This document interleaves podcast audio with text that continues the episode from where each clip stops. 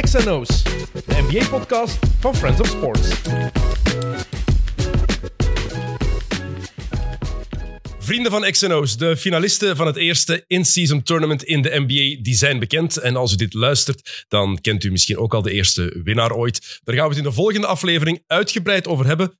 Maar vandaag is een speciale, want vandaag is er heel speciaal bezoek. Het wordt een aflevering doorspekt met een sappig en mooi Antwerps accent, met veel brani en veel verhalen. Uh, ik heb al lang gezegd dat ik hem ooit in deze podcast wilde. En het is eindelijk gelukt. Het is niet zomaar bezoek, het is keizerlijk bezoek, want de keizer is hier. Willy Steveniers, welkom. Dank u, vriendelijk. Uh, heel blij dat je hier bent. Het weer tijd, hè? Het werd hoog tijd. Uh, u wordt over vier dagen 85 jaar. 85 jaar. Um, dus nu al proficiat. Ja, dank u. En ik ga het u meteen zeggen, ik denk dat ik nog nooit zo'n fitte tachtiger heb gezien als jij. Ja, ik denk uh, dat ik heel veel geluk heb. Van de anderen spreek ik niet. je moet alleen geluk hebben. Op een zeker moment moet het kunnen. En je moet ook van de ouders de genen krijgen.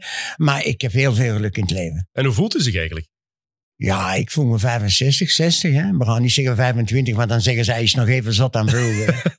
ben je nog even zot als vroeger? Ja. ik zijn, nee, ik zijn zoals jij. Jij bent ook zo. Mijn grote liefde. En, uh, en ja, uh, als ik maar denk, is het alleen over basket. Ja, want um, voor mij en voor heel veel mensen die het basketbal al langer volgen, is, en is Willy Steveniers, ja, staat het synoniem aan basketbal. Dat is zo. Maar uh, er is misschien ook een hele generatie die niet goed weet wie Willy Steveniers is of waar die voor staat. Als jij jezelf zou moeten beschrijven voor mensen die niet weten wie jij bent en wat jij gedaan hebt, hoe zou je dat doen? Wel, in één woord. Uh, ik zal zeker en vast mijn medemaats en ook andere goede spelers niet benadelen.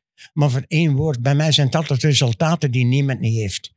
Uh, het gaat niet over de beste Belg, het gaat niet over de beste shotter, het gaat over niet de beste speler. Het gaat alleen over, ik ben gekozen geweest in Joegoslavië in 1972 als beste Europese speler. Dat wil iets zeggen, want de Joegoslaven waren de beste basketters. Dat is voor mij de grootste eer en het verschil tussen andere mensen. Wat voor basketballer was jij? Beschrijf jezelf eens als speler. Een ego-tripper. Zeker en vast. Stond heel goed met mijn eigen. Ik geloof dan alleen in mezelf. Uncoachable. Uh, technisch ongelooflijk begaafd van die periode. Een krachtige atleet. Snelheid onbeperkt. Uh, en instelling was niet zo goed. Al wat onder tucht was, was Willy Steveniers geen goede speler. Waarom was je uncoachable? Omdat een, een genie is. Excuseer me het woord dat ik dat gebruik, want ik sta nog altijd even goed met mezelf. een genie, dat wordt ieder 50 jaar geboren. En ik was dat. Ik spreek altijd in Europa. En uh, ja, waarom zou ik niet denken dat ik alles mag? Of waarom zou ik niet denken dat ik de finishing touch ben van de ploeg? Maar ik zeg erbij, ik heb geleerd dat elke mens die naast mij of voor mij heeft gespeeld, dat ik enorm veel respect heb. Want ik had nooit kunnen worden wat ik nu ben, als die mensen mij niet helpen. Heb je dan van coaches ook dingen kunnen leren in je carrière? Nee, de beste coach heb ik gehad. Voor mij is het allemaal flauwe zever, hoe technisch dat ze zijn en hoe tactisch. Voor mij is het één ding dat een coach moet kunnen. Hij moet een psycholoog zijn. Hij moet met de spelers, met de karakters bijeenbrengen en daar een ploeg van maken. Want al dan rest, dat is voor mij Larry, dat is tijdverdrijf, dat is omdat hem goed betaald wordt. Voor mij is het voornaamste iemand verstaan met zijn karakter, met zijn kwaliteiten. Dat is voor mij voornaam. Uh, als speler, want uh, je zei ego-tripper, maar als je de weinige beelden bekijkt die er ook zijn van jou, is het wel duidelijk, als speler, de manier waarop jij op het veld stond, um, vooral de manier waarop jij, jij aanvallend speelde, ja, op dat vlak was je wel voor op je tijd. Ja, laat ons zeggen dat ik twintig jaar voor was. Hè? Ik dribbel al door mijn benen en niemand op zijn schoenen al te dribbelen. Uh, maar het gaat hierover. Hè? Het, het gevolg van dat was, voor mij was het dat ik de beste speler zijn geworden met de druk van de Amerikanen die kwamen. Die andere was voor mij pleintjesbasket. Maar als ik echt een speler was die in aanmerking zou kunnen komen onder een goede leiding en ook een beetje verdedigen, dan had ik wel uh, in de NBA kunnen. In die tijd gesproken. Hè? Mm -hmm. In die tijd was ik wel niet bepaald eer, maar door mijn instelling en uh, ja, laat ons zeggen, een beetje over het paard getild, uh, heb ik dat nooit waargenomen. Misschien had ik niet rijp was genoeg. Heb je vaak verdedigd? Eerlijk? Want dat, was dat, de- dat wordt vaak gezegd, hè? Willy Steveniers, genie in aanval, maar in verdediging, daar veegt hij zijn voeten Ja, maar ik heb aan. dat eens beantwoord. Ik ga die vraag anders zeggen. Ja. Samai, waar ik enorm veel respect heb, ik spijtig dat ik niet van die tijd was. Want dat was een speler bij wat een ongelooflijk duo geweest. Veel respect voor die jongen. Maar die, die zei iets op de radio en toeval heb ik dat gehoord. Eh, ja, meneer eh, Steveniers is een goede speler, ja, maar hij speelt op één veld. En dan heb ik die jongen geantwoord dat ik hem eens gezien heb. En heb ik gezegd, luister, voor mij is verdedigen een wil. En aanvallen is een kunst. Maar daar was ik ook de beste in. Want 49 punten maken tegen uw ploeg, dat maakt allemaal niet. Dus, dat is de opinie van mij. Dat wil niet zeggen als jij morgen als kenner zegt. Had jij in de NBA kunnen spelen in uw tijd? Dan zeg ik 100%. Maar wat had ik dan moeten doen? Oh, dan had ik moeten luisteren. Dan had ik moeten verdedigen, zeker verdedigen. En dan had ik misschien 40 punten gemaakt, maar ik had er misschien wel 20 gemaakt. En had je die wil dan niet om te verdedigen in Nee. de competitie hier? Eh, nee, ik was, hoe moet ik zeggen? En misschien zou dat ook zijn dat ik voor de eerste keer geconfronteerd word met mensen die beter waren. En, en, en dat ik dacht over de plas gaan in mijn tijd. Ja, dat was een ongelooflijk avontuur. Hè? Vergeet dat nu. Nu vliegt mijn, mijn zoon of u naar New York precies ziet van niks. Als ik in mijn tijd besliste van naar daar te gaan, want ik moest naar New York gaan, ik had een try-out. hè, Ja, dat was voor mij.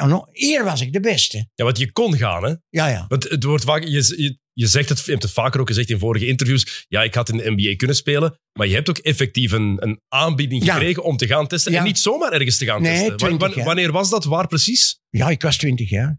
En, en, en, dat was een beetje in gang gezet door eh, de man die me groot heeft gemaakt, Bob Geuns. Bob Geuns, dankzij Bob Geuns zijn ik een grote speler geworden.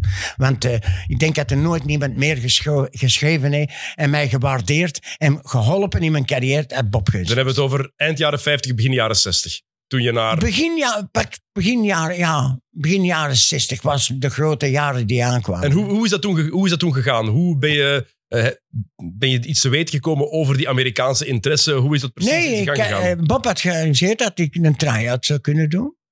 En ik heb mijn kat gestuurd. Bij de New York Knicks. Ja.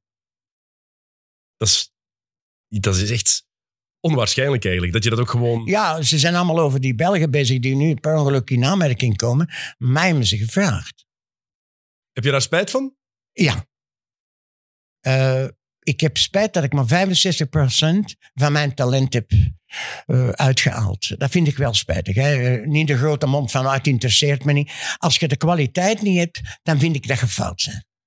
Want het is ook niet zomaar een ploeg, hè? Het is New York. Het Ja. zijn er niks. Ja, maar eh, ik, ik weet goed. Maar, maar jij in New York in die tijd, als je kijkt naar Walt Frazier die daar daarna rondliep. Want we hebben het nu al even over jou gehad op het veld, maar ook naast het veld. Was je wel iemand die, die van het leven hield en die eh, rondliep in bontjassen, mooie wagens had. Dat paste wel perfect bij een paar mannen die toen in die ploeg speelden in, eh, in die periode, denk ik. In, in, het, eh, in New York in de jaren 60, jaren 70. Ik was wel heel benieuwd geweest wat dat had opgeleverd voor jou in die stad. Dus Ja. nog, iets, an- nog iets anders dan Antwerpen, hè? Ja, maar bij mij, was, mij bestond dat niet. Hè. Voor mij een Amerikaan of een Belg, dus voor mij bestond dat niet. Bij mij bestond alleen een geraken en de beste zijn. En als ik opkwam, mocht dat tegen Michael Jordan zijn, dan mocht hij mijn broek uitkiezen, maar hij zal het moeten kunnen. Versta je? En dat was mij, mijn motivatie om naar New York bijvoorbeeld te gaan. Maar dan dacht ik zo, stel je voor dat ik niet slaag. Hè? Dat even goed kan. Maar ik heb een bewijs dat dat niet kan. Bob Cousy was destijds bij de Boston Celtics. En die kwam hier een demonstratie geven. Ik weet niet of je dat al hebt gehoord van mij. Ja, die man ver- de Er zijn mensen die het verhaal niet gaan kennen, dus vertel het verhaal gelukkig. Wel, die was hier in Brussel en we waren aanwezig met de nationale ploeg. En eh, Bob Cousy was daar en die legde uit wat het verdedigen was en aanvallen was. En ploegspel was. En eh, hij zegt dan op een zeker moment, Eddie Verzwijvel was coach, eh, is hier iemand dat ik eh, van uw spelers iets kan laten voordoen? Ja, en ik zeg, ik hè? Ik hè? Ja, ik tegen Bob Cousy. En eh, hij zegt, ja, de Willy hier hè? Ah, goed. En, eh, en Bob Cousy, hij was aan tegen de menigte die aanwezig waren. En hij zei, voilà, in verdediging, wat zei jij? Ik zeg linkshandig. In verdediging spelen ze in Amerika, ze pakken uw linkerkant, ze, en ze duwen u naar uw rechterkant. Natuurlijk wist hij niet dat ik ook die Bob Cousy had. En ik had dat uitgevonden. Want Bob Cousy dribbelde achter zijn rug. Maar ik gaf hem ik gaf hem door. En mij heeft heel Europa dat afgezien. Want ik was per ongeluk dat te weten gekomen. Ik speel in een internationaal match. Ik verleer me een bal. Ik pak die vast. En ik, ga, en ik duw hem binnen. Ik zeg, oh, daar ga ik op trainen. En wel, die zeggen op een zeker moment, wou wij dat doen tegen mij. Hij dacht ik, hè, ik zette hem in de wind. Voor mij was hij iets van niks, één tegen één. En ik duwde hem binnen en hij zei, get this motherfucker out of the gym. En dan verstond ik het direct. Bob Cousy, niet zomaar iemand, hè? Dat was een hele goeie in Amerika. Het is eh, voormalig MVP. Wat is het? 13 keer All-Star, 6 keer NBA-kampioen, 10 keer Ja. All-NBA First Team, 10 keer bij de beste Ja. vijf in de NBA. En iemand inderdaad, als er een, een beweging naar die genoemd is, de Bob Cousy, iedereen kent die wel, denk ik, hè? De, de Ja. beweging. Maar de allemaal denkt dat dat Bob. Cousy was. Dat is niet waar, dat was ik. Dat- Eigenlijk zou het de Willy Steveniers moeten heten. Nee, maar spijtig genoeg was dat. Internationaal gezien was dat voorgevallen. En die Nabite die floot als het gelopen was. En ik ging na de wedstrijd naar hem en ik zeg, waarom doe je dat? Ik zeg, verstaan u, de dat? Ik heb het nog nooit niet gezien, zegt hij. Oké. Daarna heb je het genoeg kunnen doen zonder dat het afgefloten is Ja, geweest. maar weet je wat het verschil is? Allemaal doet dat voor de wedstrijd, in inlopen en zo. En op een training. Maar met een man voor u doen, is nog helemaal iets anders. Hè? Ja, ik heb ook andere verhalen gehoord van jou voor de wedstrijd. Dat jij, eh, als jij bepaalde mensen zag stretchen voor een match, dat jij dan daarvoor ging staan en ze iets liet zien. Dat je dan een paar tuimelingen deed. Ja, maar dat was op 46 jaar. op, op je 46ste. Ja, ja, nee. Maar als ik, als ik 20 jaar was, als ik doorbrak. Al, ik was al op 17 jaar in de Europese ploeg. Dus niemand die echt dat gedaan heeft.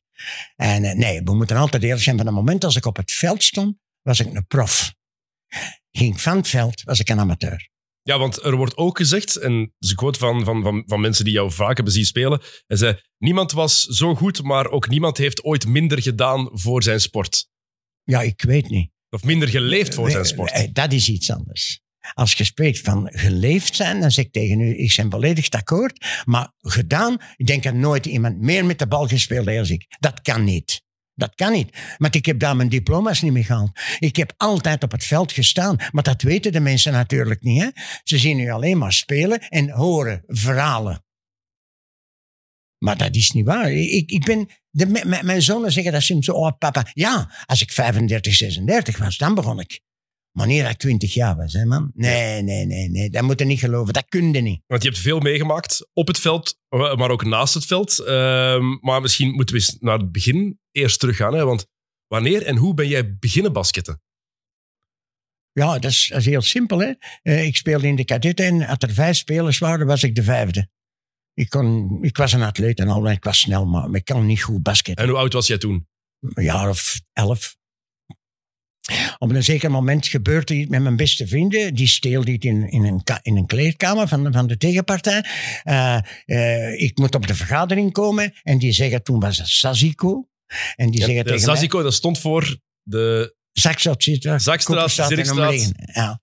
En, in de, in de Koepoortstraat. Ja. ja. en, en die zeggen, jij weet wie, wie dat gedaan heeft. Ik wil dat horen. Ik zeg, dat ik nooit. Mijn vrienden, dat is voor alles. Ja, zeggen ze, dan vliegde mee buiten. En ik word buiten gezet en ik ga naar Tunnelke. Tunnelke, dat was ook een straatploegje, zoals Saziko destijds. En daar breek ik door. Op mijn 12, 13 jaar speel ik het kampioenschap van België en ik was cadet en ik speelde mee in de scholieren, omdat ik al beter was. En eh, ik maakte 28 punten van de 52 tegen de wereldploeg van Antwerpse toen. En ik was ineens, ja, ze hadden me bezig gezien en ja, ze dachten, ja, dat is hem, hè. Hij is, hij is de, de, de, Maar dan was ik nog niet volledig gewonnen voor de basketbal. Het liefste wat ik ooit gedaan heb, is wielrennen. Is het waar? Ja, oh, ja, daar was ik zot van. Nu nog, nu zeg ik dat nog. Met al wat ik bereikt heb, wielrennen is voor mij alles. Maar dat is, dat is- heel verrassend. Ja, Ik, weet, ik wist dat je gekoerst had, maar ik wist niet dat je er zo verliefd op was op die sport. ja, ik heb 34 koersen gewonnen in mijn laatste jaar bij de beginnelingen als ik stopte. Maar er is, daar gaat het weer over. Welke tucht kun je opbrengen? En wat voor coureur was jij? Was je een sprint- Snel. sprinter? Ja, niemand klopte mij. Ik kon niet. In een basket ook niet. En dat is het verschil. Mijn vriend die het dichtste bij mij is gekomen, waar ik enorme waardering voor heb, Ronnie Bayer, dat is een heel andere periode. Hè? En die was ook snel, maar die was sterk. Die ging naar de goal en als je stond, dan ging hem door. Een blok dynamiet. Ja, ik zet hen allemaal in de wind. Dat is het verschil tussen mij en Ronnie. Maar Ronnie was voor mij de dichtst mogelijke persoon als basketter die in Antwerpen was geboren voor met mij te duelleren. Ja, je hebt gekoerst, maar je hebt ook nog gebokst. Ik heb alles, nog. Ik heb alles gedaan. Hè? Ik heb, eh, destijds zijn ik atletiek aan doen. Eh, Ik zal je zo zeggen, eh, ik werd geschorst, want als je op een overgang vroeg, van Zesiko naar Mechelen, dan moest je een jaar stil liggen. Ik ben de enige speler die een jaar heeft stilgelegen. En dan moest ik iets doen. Ik ben atletiek aan doen. En daar was ik ook niet slecht in. Ik liep toen 11, dat, dat het record 10-8 was. In de 100 meters op, op sloeven. En ik sprong een meter 90 in, in Scheer, in de oude stijl. Dus ik kon wel veel en ik heb veel geluk gehad. Maar Veel- voor, dat koersen en dat boksen was voor je bent beginnen basketten. Ja. Nee, dat was zo dezelfde periode. Ik zei feitelijk, eh, ja nee, voor, dat was zo vanaf 12, 13. Mijn vader was kampioen van België. In het boksen. Ja, en had ook de gouden handschoenen in Amerika gewonnen in 1934. En die wou hebben dat ik een, een, een bokser weer. En ik kon dat ook. Ik kon ook weer iemand aframmelen. Ik heb altijd een sterke jongen geweest. En ik heb altijd op straat geleefd. Dus ik was zeer capabel daar ook. Maar ik zou niet... Ik kon niet verstaan dat je op iemand zijn gezicht kunt slagen zonder dat hij iets misdaan heeft. En daarmee heb ik nooit geen boksen, maar ik kon het. Redelijk belangrijk om dat te kunnen en willen als je wil boksen. Ja. Nee. Lijkt mij. Maar je vader was kampioen van België. Dus Ja, je ja. vader was echt een hele goede bokser. Ja, was een sportman destijds. En je moet appreciëren. Je moet appreciëren van die tijd weer. Hè. En dat is helemaal iets anders. Ik zeg altijd, ik heb tegen u ook gezegd, vergelijk alsjeblieft de periodes van tijdperk niet. Doe dat niet. Geef iemand recht. Geef hem recht. Maar als we natuurlijk ze beetje gaan zeggen, wie was de beste wielrenner? Is Teddy Merckx. ja. Uiteraard. En dan we gaan zeggen, wie is de beste basket? was Michael Jordan. uiteraard. Daar moeten we niet aan denken. Hè. Ehm, dat, eh, ja, je bent beginnen basketten, maar wat ik gelezen en gehoord heb, is dat dat eh, bij jou thuis, zeker met je vader, dat dat niet in goede aarde viel toen je voor die sport gekozen. Die zei al, hij wilde dat ik ging boksen. Basketbal werd niet echt Dat was- omar- omarmd daar. Dat was in zijn ogen ja, destijds. dat bedoel, dat bedoel ik. Dat was in zijn ogen een Jeannette sport. Hoe ging, je, En- hoe ging je daarmee om? Heeft, Al- al- Als kind in die tijd? Wel, dat was erg, hè? Want de eerste wedstrijd dat mijn vader ooit zag, dat was op mijn 21 jaar. En ik speelde al vier jaar in de nationale ploeg en, en, en ik had al Europees gespeeld. Dat vond ik spijtig dat mijn eigen ouders mij nooit aangemoedigd hebben. Maar ja, het is misschien ook een stimulans geweest dat ik het zo moest alleen doen, met tranen in mijn ogen, dat ik zo'n sterke persoon zijn geworden. Om nog meer te bewijzen van dit is mijn ding. Voilà. Ja. Mijn vader heeft mij in feite een sportman gemaakt, met het negatieve. Want ja, jou- jij, jij met je vader ook wel een heel ehm, ja, tumultueuze band gehad. Mag je dat zo zeggen? Ja, dat mag. Laat ons zeggen, de liefde had ik niet. Hè? De opvoeding had ik niet. En eh, het is allemaal gemakkelijk gezegd, maar je staat er toch alleen voor, de, voor een jonge knaap die toch een schouderklopje to- toe heeft en toch altijd iemand nodig Zeker. heeft om raad te vragen. En ja, maar dat heeft ook misschien wel geluk geweest. Mijn tweede moeder heeft ook geluk geweest. Hè, ik heb altijd geluk gehad op de goede momenten. Als ik basketter zijn geworden, het was altijd de beste coach die mij koos. En ja, en, en, en, en als, als, als er meisjes kwamen, was het altijd de beste meisje die mij graag zag. Dus dat is mijn vrouw. Snap ik. Ehm, je zei toen elke, daar ben je dan gaan spelen, maar daarna ben je wel terug naar Zazico gegaan. Om daar effectief Ja. door te breken Oh ja, ze- oh ja, op het hoogste niveau. Ze hadden, ze hadden direct gezien dat er iets in mij was. hè. En dan heb ik... Ik zijn in feite, daar moet altijd eerlijk over zijn, hoe goed dat ik ook met mezelf staan. Maar Richard Wagener en Johnny Goossens, die daar een bekwame spelers waren van destijds, die hebben mij feitelijk de grote kans gegeven om de doorbraak van een jonge speler naar de hoogste afdeling. Want ik was 15 jaar, toen mocht dat nog, nu Ja. niet. Hè? Nee, nu moet je 16 zijn inderdaad. Jullie speelden op de Veemarkt Op de Veemarkt, ja. in Antwerpen. Dat was jouw thuis. En dat was een bunker. Maar jij, jij, woonde daar. Ik woonde daar. Dus ja. jij speelde effectief gewoon voor je eigen deur je matchen op het hoogste niveau. Ik ging 10 meters en ik was aan het Antwerpen. Dus voor mij was het gemakkelijk om te gaan trainen. Hè? Maar, mensen, maar ook wel niet, dat mensen dat ook goed weten. Jullie speelden de match buiten. Hè? Ja. Ja. Eerste klasse, hoogste kan- afdeling, matchen buiten, op de beton, op All-Stars. ik heb geen ene speler die nog leeft, spijtig genoeg niet. Heb ik drie generaties meegemaakt. Ik heb generaties meegemaakt dat we zelf het terrein moesten afkassen om te kunnen spelen. in de kou van vijf graden onder nul. Met een leren bal die nat weer, die je niet kon opheffen. En dan heb ik de generatie gekend van Mechelen, dat ik zeg, het begon al basket te worden. Hè? En dan heb ik de Amerikanen gekend, die ook in mijn ploeg drie, vier stonden. Dus ik heb drie generaties meegemaakt, omdat ik het geluk had van twintig jaar voordeel te hebben op andere spelers. Hoe was het om daar te spelen op de veemarkt in die tijd? Ja, koning, hè? Koning van de veemarkt, zegt mijn zoon altijd. Hè? Hij zegt niet keizer. Uh, ja, ik zal het u zo zeggen. Dat waren allemaal gewoon mensen. En dat waren allemaal duivenmelkers. En die stonden dan bovenop uh, op hun hok, hok, voor die duiven. En als we verloren, gooiden die allemaal die eieren van die, van, die duiven op het terrein. En wij speelden op een bunker. En waarom heb ik zo'n goede dribbelaar geweest? Het is niet zoals nu, zij zijn het beste marchandise allemaal. Maar ik, ik moest dribbelen met een bunker, die, die ongelijk waren. En dan leerde wel wat. Eh, er zijn ook goede dingen die vroeger waren. Hm. Hoeveel volk kwam daar kijken meestal? 2000. Buiten, rond het plein? Het zeil gespannen, 2000. Waanzin, hè? Ja. Ja, en ik was, ik was en weet je wat je moet hebben? Je kunt de beste speler zijn, zoals we juist verteld hebben. Rick Samaya, voorbeeld van speler, ja, ongelooflijk. Maar komt daar 10.000 man voorzien? Rick Koppers had dat ook, zoals ik. Ik was een, een, een, een evenbeeld van Rick. Naar mij konden ze zien voor 50% die hem niet moesten en 50% die hem maar ze waren. You love to hate him. Ja, maar zo is of het. you love him or you hate him. Maar zo is het. Zo is dat met jullie ook en, en met iemand anders. Ah, het, e-, het, enige is dat ik altijd eerlijk ben en dat ik niet kan verdragen dat ze iets misvormen door een zekere opleiding. Mhm. Van moeder natuur, dat is gelijk als Maradona. Bob Guns vergelijkt hem met Maradona.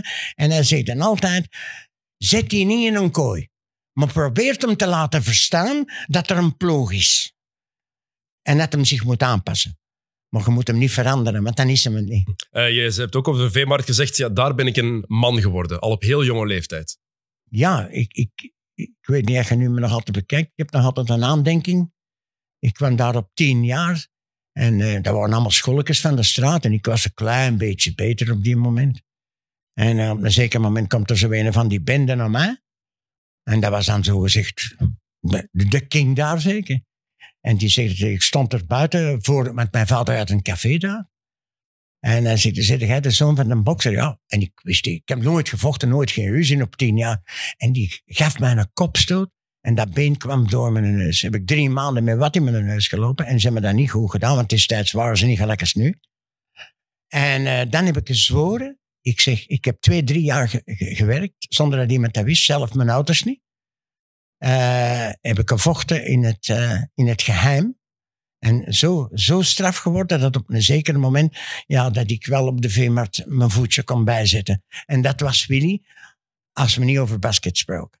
Dat, maar ja, dat was meer daar natuurlijk als we niet over basket spraken. In die buurt toen daar, de veemarkt, dat was, was daar rond, was ook een, een bruisende buurt. Hè? Maar, maar ofwel maakt het, ofwel weer het opgeten. Dat is heel gemakkelijk, dat is niet gelijk als nu. Hè? En dit is moeilijk, want weet je wat ze altijd doen, de mensen, de jaloerse mensen, die, als je dan zoiets bereikt, dan zeggen ze altijd, ja, je weet waar het hem van komt. Ja, spijtig genoeg wel, maar het is wel een voordeel geweest. Mm. Jullie speelden ook, als je erover nadenkt, want je hebt buiten spelen, dat is één ding. Op een pleintje spelen, dat is fantastisch.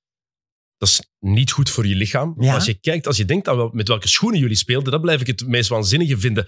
Als jullie dat ook hoorde, de verhalen van mijn vader vroeger. Ja, jullie speelden op All-Stars, dus gewoon, het is gewoon, dat, is, dat, is een, dat is een lappen. En nooit gekwetst geweest. Hè? Hoe heb je dat? Heb jij nooit je voet omgeslagen? Daar? Ah, Oké, wat toch onmogelijk. Jawel, naar omhoog gaan Ja, en op iemand zijn sloef komen, patat. Hè? Ja, je ja, hebt dat niks aan ondersteuning. Nee, nee, nee. Maar voor de rest ben je inderdaad. Ja, maar weet je waarom? Dat is heel gemakkelijk. Al die mensen die gekwetst waren. Hè? Ik spreek niet van een NBA, dat is iets anders. Hè? Maar hier, eh, ja, die, die, ja, die konden gemakkelijk raken. Hè? Mij konden niet raken. Hè? Je had een bronchiet dat ik voorbij kwam. Ze, dus mij konden niet raken. Eh, het basketbal van toen, echt in jouw beginperiode. Ja. We hebben het over begin, eind jaren 50, begin jaren 60. Vergelijk dat eens met het basketbal van nu. Onvergelijkbaar. Onvergelijkbaar. Eh, ik zal het u zo zeggen. Wat bij ons was, was een spel basket. Maar wat ze nu spelen, is atletisch. Wij waren, ja, ik was de enige atleet. Ik had het voordeel van mijn ouders dat die mij dat ge- gegeven hadden. Ik was de enige basketballer die in echte. Dat heeft ook veel mensen tegen mij gezegd. Weet je waarom dat jij zo ver gekomen bent? Ik was niet alleen technisch in mijn tijd. Ik was niet alleen goed, maar ik was ook sterk. Daarom is het toch helemaal jammer dat je die ene kans om naar New York te gaan niet hebt gegrepen destijds om te zien hoe je dat kunnen doen in verhouding met de atleten die daar toen ook al rondliepen. Want die waren er toen al. Will Chamberlain speelde al, was een, een gigant van een atleet. Je had daar Elgin Baylor. Ik heb tegen Will Chamberlain gespeeld. Wanneer heb je er tegen gespeeld? In het Sportpaleis. Wanneer Een selectie van België. We speelden tegen de Harlem Globetrotters. Want hij heeft één jaar bij de Harlem Ja. Globetrotters gespeeld. Klopt. En ik heb daar een mooie anekdote. Ah, Oké, dat was 22. Dat was een atleet ongelooflijk. Hè? Destijds, hè? En op een zeker moment in die wedstrijd intercepteer ik een bal, een steal. En ik ga, en niemand, niemand ter wereld kan mij stoppen dan. En ik ga, en dan, dat was al die ronde borden zijn me ook nog geweest. En we speelde er voor de eerste keer op. En ik ga, en dan normaal, de show speelde ik ook nog. Ik legde hem dan binnen en dan, ik moest nog eens een goede dag aan het volk doen ook. En ik draaide me om, het was tegen, die man had gewoon die bal gepakt, dat was uniek. Maar de tweede keer had ik hem, hè. Ik zeg zo, ja, die zwarte jongens, die springen ongelooflijk. Maar ik had al lang gezien, ik was slimmer dan een ander, hè. En als je weg zijn in de quickbreak, dan komen die mannen voor u te blokken, maar die zijn hun passen aan het meten en alleen gaan die naar de bal. Hè? En ik liep voor zijn voeten. Hè? Hij had ervan. Zo. Ja, ja, we moeten niet aan twijfelen. Hij kon zijn passen niet nemen. Want uiteindelijk is dat. Hè?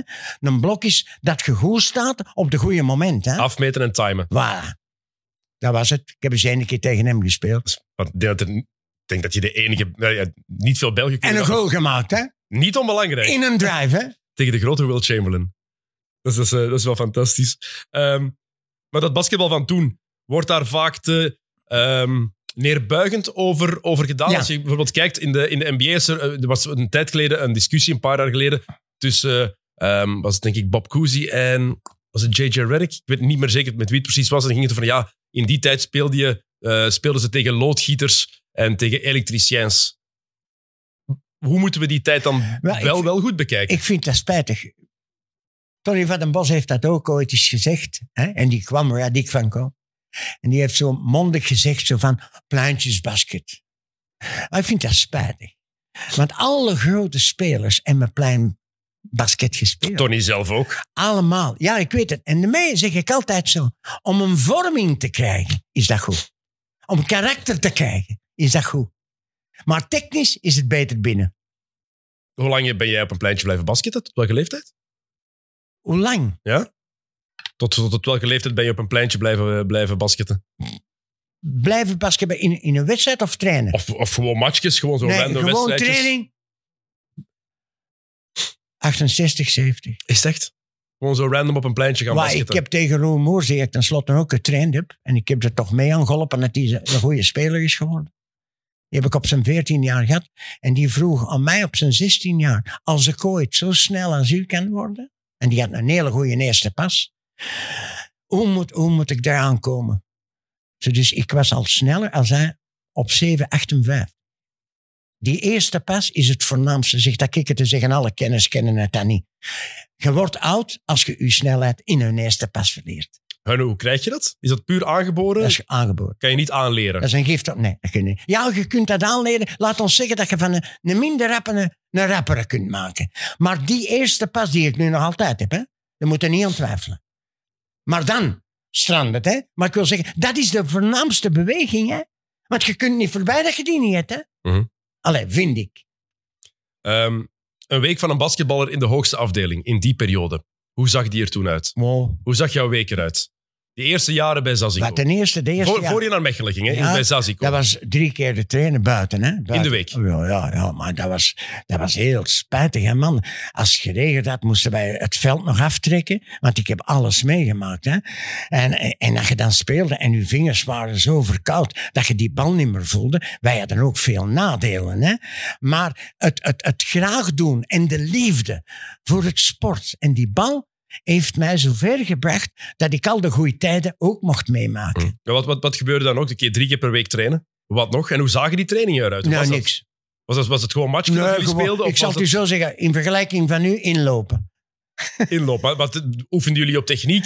Was dat, Nee. was dat plays die jullie in oefenen? Nee, want ik had een techniek van mezelf. Maar Ik heb, Ik, en maar deden jullie, liepen jullie plays? Deden jullie gewoon matchjes? Hoe zat dat? Hoe was een training Gewoon matchjes en eh plays niet, hè. dat kenden ze niet. In die ik spreek van die tijd, hè. Ja. de jaren 50, dat kenden ze niet. Eh, en het was tegen een zonerspeler, dat was dat laat de bal rondgaan. eh, en dat was dan flauwekul. Maar ja, goed, dat was de enige. Maar wij hadden geen plays. Eh, het enige play dat wij hadden, en daar waren we de beste van Europa, in Zazico is daarmee begonnen, en dan Real 4.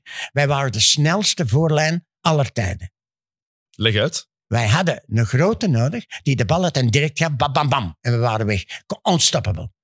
En zo, vroeger was de, de kunst in de Belgische nationale ploeg, en dat was de snelheid van de Belgen. Wij, wij, hebben, niet, wij hebben dat niet meer. Wij hebben ons aangepast aan Amerika en wij willen Amerika nadoen. Nee, dat zijn wij niet.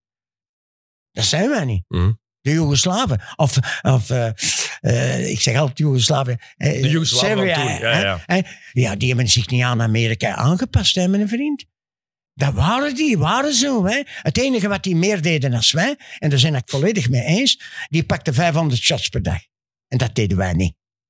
Maar ja, drie keer per week trainen. Dan zijn er nog vier dagen over in de week. hè? En, en dat was, en dat- ja, maar dan zat ik op veld vier, vijf uur. Hè. Nee, nee, nee. Dan had ik wel de NBA. Ik had wel mensen gezien die het zo, zo deden. Hè. Bijvoorbeeld, ik deed die namen dan op mijn manier. Hè, want bijvoorbeeld dat dribbelen en, en laten gaan en verkeerd zijn, dat had ik al van begin. Dan een andere gewoon, Antoinette wie heeft een bal speelde. Hè? Nee, je moet eerlijk zijn. Maar je moet dat ook appreciëren. Ik vind die uitleg van nu, vind ik verkeerd. Geef die mensen recht. Het is daar ontstaan. Racing Mechelen is ontstaan door mij, Theo Willer, Robbie Hendricks, eh, Van Kerschaver, Loridan en, en, en, en, en, en Michelet. Dat is het ontstaan van de grote jaren. In, in 64 hebben wij allemaal geklopt in Europa. Maar wij hebben niet Europees kampioen geweest. Daar is dat ontstaan. Nu niet. Nu speelt allemaal basket gelijk als vandaag. Maar in die tijd, in Ronnie's een tijd, en Semai, en dan begonnen ze al meer op een Amerikaanse wijze te spelen. Eh, want ja, je was natuurlijk ook, jullie waren geen profs, hè, want Racing Mechelen was de eerste profploeg eind jaren 80. Hmm. Toen is het pas prof geworden, dus je was semi-prof, amateur basketbal was het eigenlijk toen. Eh, wat deed jij om, om geld te verdienen? Buiten basketballen, want ja, je had er wel iets mee verdiend hebben. Ik was in een diamant, ik heb ook weer chance gehad. Ik heb eh, 15 jaar in de diamant gewerkt. En wat deed je dan? Ik was eh, toen, dat bestaat nu niet meer, nu is dat met de laser. Ik was klever. Dat eh, het lot dat uit de dingen komt, die moeten wij tekenen en wij moeten die dan proper maken en wat schiet daarover, een percentage. En dat geluk heb ik gehad en dat is ook een speciaal eh, iets waar ik veel geluk, ik dat mag vertellen. Je mag, je, mag, je mag alles vertellen wat je wil hier. Normaal komt We het hebben, we hebben tijd genoeg hier. Normaal komt er niet binnen in eh, een diamant. Vroeger, in mijn tijd, nu wel. Nu komt er allemaal binnen, maar in mijn tijd was dat niet. Gooiers. Ons noemen ze gooiers. Ik spreek ook de Jiddische taal. Dus op een zeker moment eh, kom ik om drie uur s'nachts in een bar. En ik zie er een heel kleine jongen staan die met een bult, hoe noemt u dat? Eh, Die is zo een Ja, ja. Met, met, met, zo- met zo'n bochel. Een Ja, bochel. Ja, En ik zie die er staan, ik kom binnen, staan drie dokwerkers aan het toog. En eh, ik zeg, geef hè, wat doe ik, dat weet ik al niet meer. En het is drie uur s'nachts. En ze kloppen op die man zijn rug. En ik zeg, ik zeg, wat zeiden jullie nou aan het zeg, weet je wat je doet? Doe dat iets met mij, dan kan ik eens doorslagen. Want die ene man is toch niet bekwaam tegen mij. Maar Steven is tegen u helemaal niks. Nee, nee. Ik zeg, moet je dat doen, die, die man hier? Zeg, wat zijn jullie bezig hier? Hè? Wat voor een opvoeding heb jij gehad? Ik speel tegen Real Madrid twee dagen na datum. En Real Madrid, dat was de ploeg vroeger, in mijn tijd. En die man staat voor mij. Er zit 4000 man. Die man staat voor mij. En zegt, meneer Steveniers, zou ik u na de wedstrijd eens kunnen spreken? Ik zeg, ja, geen enkel probleem. Dus ik zie die na de wedstrijd en die, dat was de zoon van de grootste diamantair. En die had gevraagd dat ik zou komen in de Ovenierstraat, waar het alles afgespeeld wordt. En zijn vader, en zijn vader heeft mij toen beloofd, als ik toen aanwezig was, eh, hij vond dat zo ongelooflijk als mens wat ik gedaan heb, dat ik heel mijn leven zou die job mogen leren en de kans krijgen. Zo ben ik in een diamant. En ik ben dus zeer, daar heb ik mijn opvoeding gehad, dat ik verspeeld was op het Saziko-pleintje. Maar daar heb ik e- echt alles kunnen leren van die mensen. En daar zijn ik voor de eerste keer bekwaam als mens geworden ook. Nu spreek ik niet alleen over basket. En toch ben je ermee gestopt na 15 jaar? Ja, de diamant ging niet meer. De Indiërs kwamen binnen en dat was helemaal iets anders. Eh, de cleavers werden ook... Dat, dat, vroeger moesten wij dat doen en nu gebeurde dat met de laser. En die job bestond niet meer. Uit de, de uitzonderingen alleen. Ja. Ja, ik zei nogal wat hevig, hè. dat is oké, Willy. Af en toe moet de micro even bijgesteld Kan- worden. kan- normaal kom jij met een zeven afkuisen. Eh, ehm, ja, toen zat je al bij Mechelen, daar wil ik het zo meteen nog even over hebben. Ehm, maar toen je nog bij Zazico zat, heb je ook een tijd effectief op straat gewoond. Want dat is ook wel een, een belangrijk moment geweest in jouw leven en in jouw carrière eigenlijk. Je hebt dat net al heel even gezegd, toen je je tweede moeder bent tegengekomen. Dat was in de periode dat je weg bent gegaan thuis bij je ouders en dat je even op straat hebt gewoond. En dan is dat was een belangrijk moment geweest wel. Ik voor- denk het belangrijkste moment in heel mijn leven. Hè? Ja? En wat je moet zeggen, er zijn een knaap van 15, niet die 15 van nu, want die zijn al bedorven. Maar ik was een, een, een naïeve jongen op die moment nog, die veel meegemaakt had, maar uiteindelijk naïef was. Hè? En Ik had geen beroep op die moment. Hè? Ik stond er helemaal alleen voor. En toen heb ik iemand eh, tegengekomen en die vroeg aan mij, Willy, als je morgen terug naar school gaat en je gaat werken, als je geen goesting hebt, dan heb ik voor u een woonst en ik zal u meehelpen om het leven te verbeteren. Dat heeft wel een paar weken geduurd, maar die vrouw die heette Yvonne Derde. Ik denk als die niet had gehad, had ik hier nooit gezeten en een interview gedaan. Ik had ook nooit de grootste basketter geweest. Ik had de grootste scholie geworden. Dat wel, zeker en vast. Maar ik denk dat ik alle bewondering en alle medewerking heb gehad als mens van die vrouw. En ik ben heel blij, want wat ik nu allemaal zeg is door haar. En hoe kende je haar? Hoe ben je haar dan Dat was tegengekomen? een supporteres. Die was wel, pas op. Eh, gaat dikwijls denken, was dat de liefje van u of zo? Nee, nee, nee. Die vrouw woog 135 kilo. Eh, die vrouw die, die heeft het heel moeilijk gehad. Dat was een wees. En eh, die weet de moeilijke tijden. En dat was een heel grote supporteres van mij. Het geluk heb ik dat zij mij gered heeft. En hoe lang heb je dan bij haar gewoond? Of, Tot mijn 21. maar wel altijd die band, die familieband behouden. Ja, maar, maar dan dat verwatert ook. Hè. Het eigenaardige is dat je zo gemakkelijk vergeet. Hè. De slechte tijden vergeten dat de mensen daar u hebben geholpen. Hè. En je apprecieert dat niet meer. Je vindt het allemaal normaal. En dat vind ik spijtig. Daar heb ik ook fout in geweest. Dat alles wat te vanzelfsprekend wordt. Ja, het, het weer precies allemaal normaal wat ze deden. Mhm. Dat is niet waar. Nee, dat, is, eh, dat besef je ook pas met de jaren natuurlijk. Zeker en vast. Eh, waarom ben je eigenlijk weggegaan bij Zazico? Om een beter job te krijgen en om iets te verdienen. En dat was dan bij Ik Racing was de eerste betaalde speler. Niemand trok iets. Hoe, hoeveel was dat toen? En als je het kan vergelijken Ja, met wat dat het kan ik niet zeggen, want de mensen staan hier allemaal te luisteren. ja, ja. Laat ons zeggen dat ik de duurste speler van ben. Ik ben, heel, maar ik ben heel benieuwd om dat te kunnen inschatten hoeveel dat, dat zou zijn in vergelijking met nu. Want ja, we hebben het, het was geen profcompetitie toen natuurlijk. Nee. Eh, Kon je daarmee rondkomen bijvoorbeeld echt? Als ik wou wel, maar ik leefde nogal heel brutaal. Je, je wou daar niet mee rondkomen. hè? maar nee, want ik had, ik, ik had ook de diamant, hè, vergeet Ja. niet. Ik had, eh, diamant was voor mij feitelijk het hoofddoel om eh, mij te verbeteren. Hè. Hè, ze- dus niemand, niemand heeft ooit zoveel als werkman, want wij waren werkmannen, de Cleavers, zoveel verdiend als wij. Want ja, als je Zaz- van Zazico En ik had dan de nachtegaal ook, hè. Ook nog, Vergeet ja. niet, ik had de nachtegaal ook, hè. Het nachtegaaltje heeft mij, ja, Maar men- zijn mensen die het nachtegaaltje niet gaan kennen? Mensen die niet uit Antwerpen komen, vooral willen... Dus leg eens, wat is het nachtegaaltje? Nachtegaaltje is een, eh, is een, een café, een restaurant en een patio in een park, het mooiste park in Antwerpen. Eh, dat het Nachtegaalpark. En eh, ik heb dat gekregen van toen, in die tijd, van de burgemeester met voorrang eh, van Kruibeeks, Lode, Kruibeeks, een prachtige man. En die heeft mij dat voorgeschoteld. En dat was de tweede stap na een diamant. eh, om de, want, want op die moment had ik problemen in diamant. Ik kon mijn kost niet meer verdienen. Ik was ook bedorven.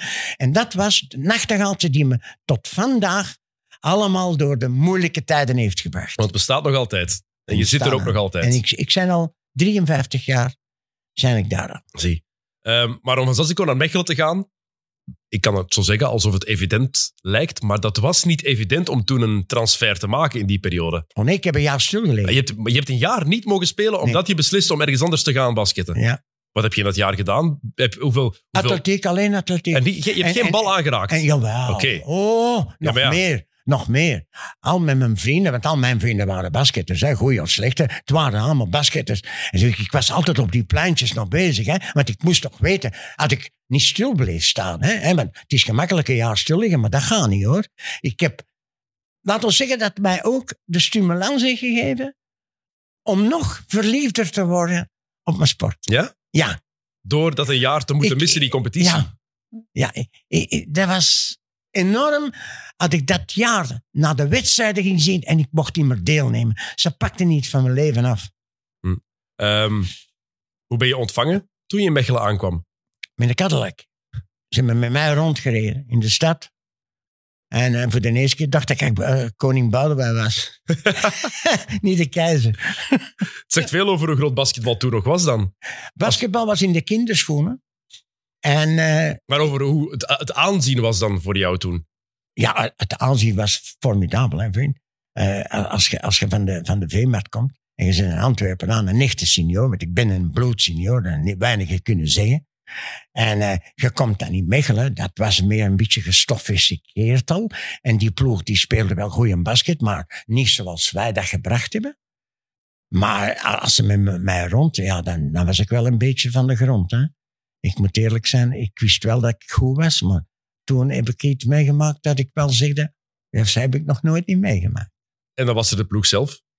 Eh, de ploeg was eh, ontstaan. Ik had het geluk, weer het geluk, dat de, de sport, eh, de manager, een meneer Hellas, dat is de schoonvader van Pieter, Pieter Loidan, en die was daar de man die de ploeg maakte. En ik had geluk, hij vroeg aan mij, wie moet ik rond u bouwen? En ik heb alle spelers, alle spelers die in mijn ploeg stonden, heb ik het contract aangeboden met meneer Hellas. Wie waren dat allemaal? Dat was Theo Hulle, voornaam, die kwam van. Een fantastische, toffe gast. Heeft mij ook meegeholpen in mijn carrière.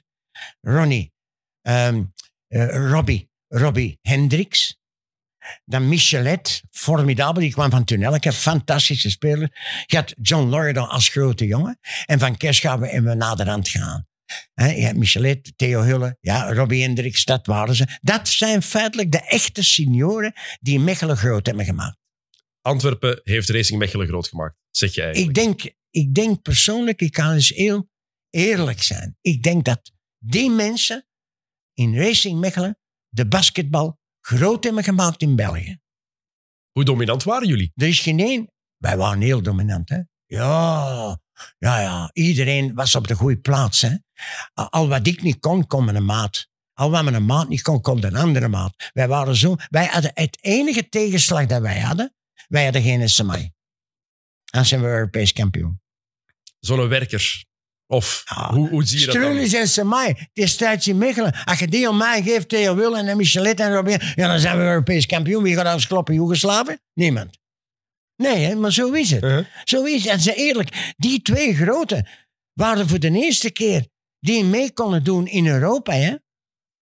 Wat, ja, wat voor basketbal speelden jullie toen? Want het gaat al wel iets... Snelheid. Het gaat, het gaat geëvolueerd natuurlijk. Van, was het anders? Niet anders dan het spel bij Ja, we leefden wel uit. Het was man voor man. Het begon man voor man. In het begin zoals zoon en een man voor man. Ja, want bij Zazico werd, werd er alleen zone Alleen verdedigd, hè? zo.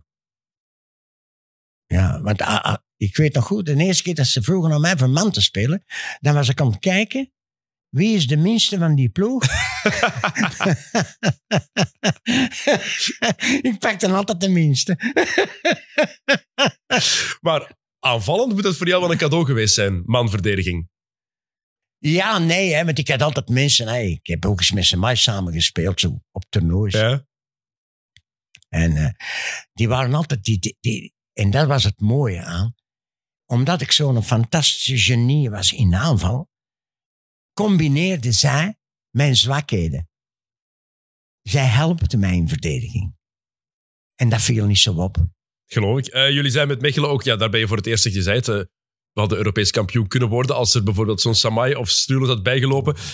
Want tegen wie heb jij allemaal gespeeld in Europa? Want er zijn wel wat grote namen bij geweest, geweest Ja, ik natuurlijk. heb met Standaard ook gespeeld. Hè. Eh, dat, komt, dat, komt, dat komt straks nog aan bod, Standaard. Dat komt nog aan bod. Ja, Real Madrid, hè, hè, Cantu, uh, Cimental Milaan, Maccabi, Tel Aviv. En allemaal hebben we ze geklopt. Hè. Waar is de strafste ploeg in jouw ogen waar je tegen gespeeld hebt? Eh, Ja, toen. Ja, toen. Ik denk Real Madrid. Ja? En ik heb daar een anekdote. Ik speel op Madrid en we schakelen Madrid uit. Dat is nog nooit gebeurd. En ik zeg na de wedstrijd tegen Theo Wille, ik zeg, joh. Ik zeg, Saporta was daar, dat was de grote man. Ik zeg, eh, ik denk dat ik eens gaan vragen dat ik niet in, Madrid mag spelen. Willy doet dat niet, zegt. God, dat, dat toch niet doen. Hè? Ik zeg, ja, eh, een nee is een nee, een ja is een ja. Hè? En ik ging naar Saporta, ik zeg, eh, goeiedag meneer, spreekt u Frans of Engels? Eh, nee, it's okay in English. Oké. En eh, ik zeg, is it possible if I can play for your team? Ik had 37 punten gemaakt. Hè? Had dat, dan- had nu ene maakt, die is toch wereldkampioen. Hè? En eh, hij zegt, Willy zegt hem, en dat was heel eerlijk, daar die heeft mij iets geleerd. Hij zegt, jij bent de beste speler, kleinste, kleinste speler van Europa. En ik zou u doodgraag in mijn ploeg hebben, maar ik zal u nooit pakken. Ik zeg, nee. En wat is de reden? Want je geeft me een ongelooflijk compliment. Je hebt geen tucht. Ik kan me dat niet veroorloven. En dat was waar. Ik had, mijn grootste negatief punt van mij was luisteren. En heeft het dan iets veranderd voor jou? Want je zegt, je hebt er Ja. iets van geleerd. Ik heb naar datum, en dan was ik, pas op, was ik van spreek, was ik ook al zo tegen de dertig. Ik denk wel iets over. En eh, eh, het heeft me geleerd dat ik begon te denken, Willy, en dat, hebben we, dat gesprek hebben wij in de auto gehad met tweeën. Willy, het is niet u alleen. Jij kunt niet forceren.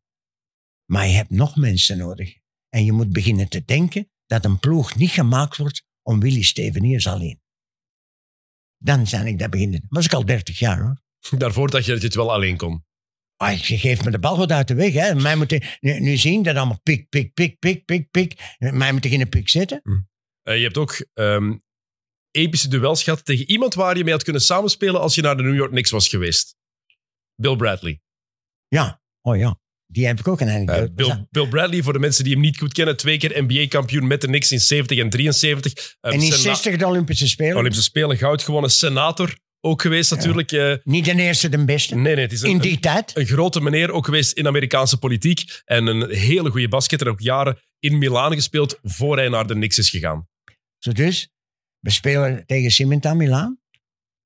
En we kloppen die. In, bij ons in de arena. En we zitten aan tafel te eten. En zij zitten over ons. En Bill Bradley, ik had geluk, die zat over mij. En hij zegt, eh, hij bezag mij en hij zegt, eh, you're a good player. But it's a pity. uh, you're only left-handed.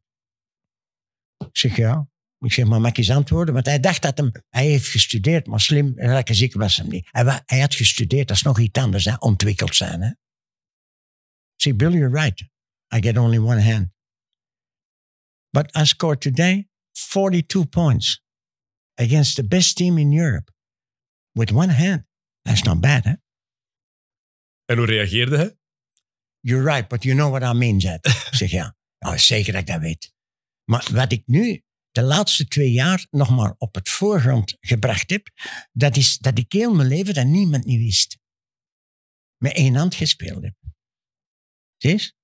Ja, mensen die het alleen luisteren, je, je hand, je, zegt, je, je, mis- je wijsvinger heeft een bepaalde vorm. Misme, mis, mismeesterd. Hoe komt dat? niet. Ik was van tweede naar beneden gevallen, in een koepel, in een glazen koepel, Op welke leeftijd? op, op negen jaar. Oké. En dat was over. En ze hebben dat verkeerd dan ingezet. Dan maak ik een bangerik had. Ik heb wel een grote mond, maar ik heb bang van Klein de dokter. hartje. En eh, die heeft dat verkeerd gedaan. En ik moest terugkomen. Ik ben nooit niet geweest. Dus ik heb volledig, niet alleen omdat ik linksandig was, want, maar ik kon met die hand niet zoveel doen.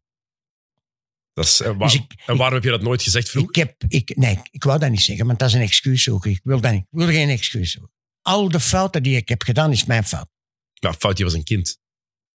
Het is, Ja, maar nee. het is niet zo onlogisch, denk je, dat je als kind bang bent, zeker in die periode ook om naar om, om een ingreep te laten doen door de dokter, dat is niet jouw verantwoordelijkheid toen, hè? Nee, maar... maar Dat dat- dat- dat kom- dan zouden je ouders toen toch wel... Ja, we moeten, moeten nee, maar ik ben altijd eerlijk. Hè. Als, jij mij, Ja, ja. als wij over de NBA spreken, dan weet ik over wat we spreken. Ik zeg niet van die tijd, hè. Maar ik weet over wat we spreken. En je moet altijd eerlijk blijven. Eerlijk blijven in, in het sport, in de grote liefde wat je gedaan hebt. En je moet zeggen wat het is. En we moeten eerlijk zijn. Eh, ze hebben nooit gezegd, ik kon in de NBA spelen, maar met die mentaliteit had ik het nooit gemaakt. Talentvol, ja. Maar nee, dat gaat niet. Je gaat niet tot, tot twee uur s'nachts uit. Je gaat niet de onnozel eruit hangen. Dat gaat niet. Dat heb ik hier kunnen doen, omdat dat een periode van die tijd was. Dat kunnen nu ook niet, maar dat weet jij goed genoeg. Het zijn allemaal, zijn allemaal werkende jongens, soldaten, die moeten luisteren. Want, ja, want hoe leefde jij buiten het basket? Was het echt na elke training, na elke match op café Ja, gaan, op de lappen ik, gaan? Ik, ik had geen stap. Ik had geen stap. op Nee. welk vlak? Ja, op welk vlak? Ten eerste wou ik overal bij zijn, want ik dacht dat ik altijd iets miste. Dat is fout van mij hoor. Maar eh, dat heeft me wel schade berokkend. Want ik was niet zo. In, in de fond was ik een hele brave jongen. Maar ze hebben me zo gemaakt, omdat ik altijd zeg, spijtig genoeg, eh, de brave mensen worden altijd opgegeten. En ik, eh, ik heb de twee dingen leren kennen. Ik heb de verdediging leren kennen en de aanval. En in verdediging was ik iets slechter. Maar dan, maar dan naast het veld, ja, praten we dan echt over gewoon elke dag op café gaan? Was het enkel na de trainingen, na de matchen? Was het gaan feesten? Hoe, zat, hoe, hoe moeten we dat zien? Genieten. Genieten van elke moment aan de folkloristische kant waar ik geboren was. De echte mens die alle dagen moest vechten voor zijn boterham. Dat is heel vage, Willy. Dat weet je ook, hè? Dat Ja. Ja, is een heel vage beschrijving, hè? ja, maar een beschrijving, een beschrijving die tenslotte past. Want als ik anders moest spreken, hè, ik zou zeggen, ik had dat nodig. Hè? Ik had dat nodig. Ja, ik had dat nodig. Waarom had ik dat nodig? Omdat er altijd zoiets geweest is. En dan hebben ze hem ook geleerd. Eh, waarom wilde jij altijd zeggen dat jij de beste bent? Waarom wilde jij altijd zelf zeggen? Andere mensen moeten het zeggen. Mhm. En daar twijfelde ik altijd in. Ik twijfelde altijd aan de persoon in sport en als mens. Omdat ik van een jeugd kwam die niet bepaald mij de motivatie heeft gegeven. Het kwam uit een soort onzekerheid ook. Ja, ik was in feite wel zeker. Want je moet niet zeggen, ik moet hier niet zeggen tegen u dat ik de beste zijn. Ik was een beste. Ehm, in die periode heb je ook je bijnaam gekregen. De keizer. Ja. Hoe heb je die gekregen? Ja, ja, ik heb die van Bob Geuns gekregen. Omdat Rick van Looy keizer was. Hè, en, en, en, van Steenbergen. En, en destijds waren dat de grote mensen. En ik had ook gehoord dat het in de Italiaanse krant voor het eerst Nee, was. Cesare. Ja, Overal had ik een naam. Hè. Ik had, in Frankrijk was ik Le Feu Follet. Dat is het vuurtje die zich heel snel verspreidt. En eh, in Griekenland was ik eh, de, de, de keizer van Griekenland. En, eh, en wacht, en nog hè. En, en ik was... In België noemden ze me de keizer omdat ik vergeleken word met die mensen. Dat is bijvoorbeeld, ik zal niet zeggen. Als ik jong was, hebben ze mij altijd vergeleken met Rick Koppers. En dat was een eer voor mij. Een eer. Maar het verschil tussen mij en Rick was deze. Rick was een verstandige man. Ik was toen nog aan het leren. Ik kwam nog compleet van de straat. En Rick had het niet nodig. Als Rick het nodig had zoals ik, om door het leven te komen, om iemand te, wo- te worden, dan had hij de beste speler van de, in die tijd kunnen worden van, de, van heel de wereld. Maar hij had het niet nodig. Hij had een fantastische thuis. was die periode bij Racing Mechelen, was dat jouw absolute topperiode als speler? Of is die daarna gekomen Maar toen ik je naar Standaard... ook Ja, daarom dat ik het vraag. Of is, was het bij Mechelen jouw topperiode of was die bij Standaard? Ik denk persoonlijk, ik denk persoonlijk dat Mechelen niet te vergelijken met iemand anders is, maar dat standaard qua, Individueel. ja, ja, ik heb ook beste speler geweest. Ik heb ook de halve finale van Europa gespeeld. Ik, ja, goed, ik heb topscorer geweest. Ik, ik heb heel eh, Europa rondgereisd met standaard. Maar, maar eigenlijk wilde je niet weg bij Mechelen, hè? Je wilde daar blijven. Maar de grootste ontgoocheling was dat ik buiten zijn gevlogen door mijn eigen fout. Zij hadden geen schuld. Ik had weer eens mijn willeke doorgedreven. Dat niet betaamde als sportman. Wat had je dan gedaan? Ik was niet op de training gekomen, de beker van België weer gespeeld. En ik moest nog een oefening doen. En ik was niet gekomen, ik heb mijn kat gestuurd. Ja, dat was natuurlijk de nadelen van mij uitgekomen. Maar ik laat u maar alleen kijken. Je kunt allemaal anekdoten vertellen en dat is mooi. Maar, maar een anekdote vertellen dat positief is, is aangenaam. Maar een anekdote vertellen en zeggen, ik heb de kat gestuurd naar New York, dat vind ik, dat vind ik niet mooi. Dat vind ik de kans van uw leven. Maar je kan er, dat zijn wel dingen waar je natuurlijk die, die een, een, een impact of een invloed hebben op hoe je leven is gegaan. Dus het is misschien niet het meest positieve verhaal, maar het is wel belangrijk geweest ook in het verhaal van Willy Steveniers. Wat daar toen gebeurd is. Ja, nee, ik heb ontdekt toen dat ik mijn instelling moest veranderen en in mijn uitspraken. Want ik was zo wat Cassius Clay-achtig. En ik heb gezegd, Willy, om u te laten uitschijnen dat je verstandig ook bent, moet het het anders uitdrukken. En ik heb gezegd, ik ben de beste amateur van de wereld. Maar ik ben geen prof. Nee, want bij, bij Mechelen, eh, ik kan, er, ik kan niet geloven dat je dan wordt buitengegooid omdat je één keer te laat of niet komt opdagen op training. Ja, maar dat moet dan toch... Vergeet niet dat ik ook moeite in het bestuur. Hè. Ik zou bijvoorbeeld zeggen, als de coach niet goed iets deed, ik zegde dat. Hè. Dat hmm. mocht allemaal niet meer. Hè. Dat speelde nooit niet meer mee. Hè. Stel voor dat ik voor Oostende moest spelen en ik moest van die coach iets zeggen, dan kom ik nooit niet meer op. Hè. Jij en Dario Djerja, dat lijkt mij een heel interessante combinatie. Ja, maar het eigenaardige is dat ik die mannen gesproken heb. Ja. En dat die ongelooflijk in... Hij legde de training stil dat ik aanwezig was met Rotsaard en zeide tegen zijn spelers, dat was de beste in Europa. Dat is een eer. Absoluut. Als ik ze beet, als ik ze beet moet spelen voor hem en trainen. Dat is iets anders. Dat is iets anders, omdat hij gelijk heeft, ik niet.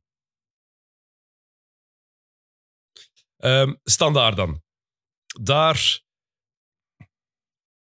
pak je de titel in je tweede jaar meteen. Ja. Maar heb je Europees ook? Ja, jullie halen de halve finale van de Europabeker. Mhm. Is, dat is wel het Europees, denk ik, het dichtste dat je erbij bent, uh, bent gekomen. Hè? Ja, maar daar had om, om, om, het te halen. Daar had ik mannen, hè. Ik had allemaal grote. Hè? Ik had drie Amerikanen in de ploeg. Hè? Ik had, ik had de, de, beste Belgen rond mij. Dat was ook een logische uitslag. Waarom ben je eigenlijk naar Standaard gegaan? Want er waren ongetwijfeld nog andere ploegen waar je kon tekenen. Meneer Tilkay heeft mij een rijk man gemaakt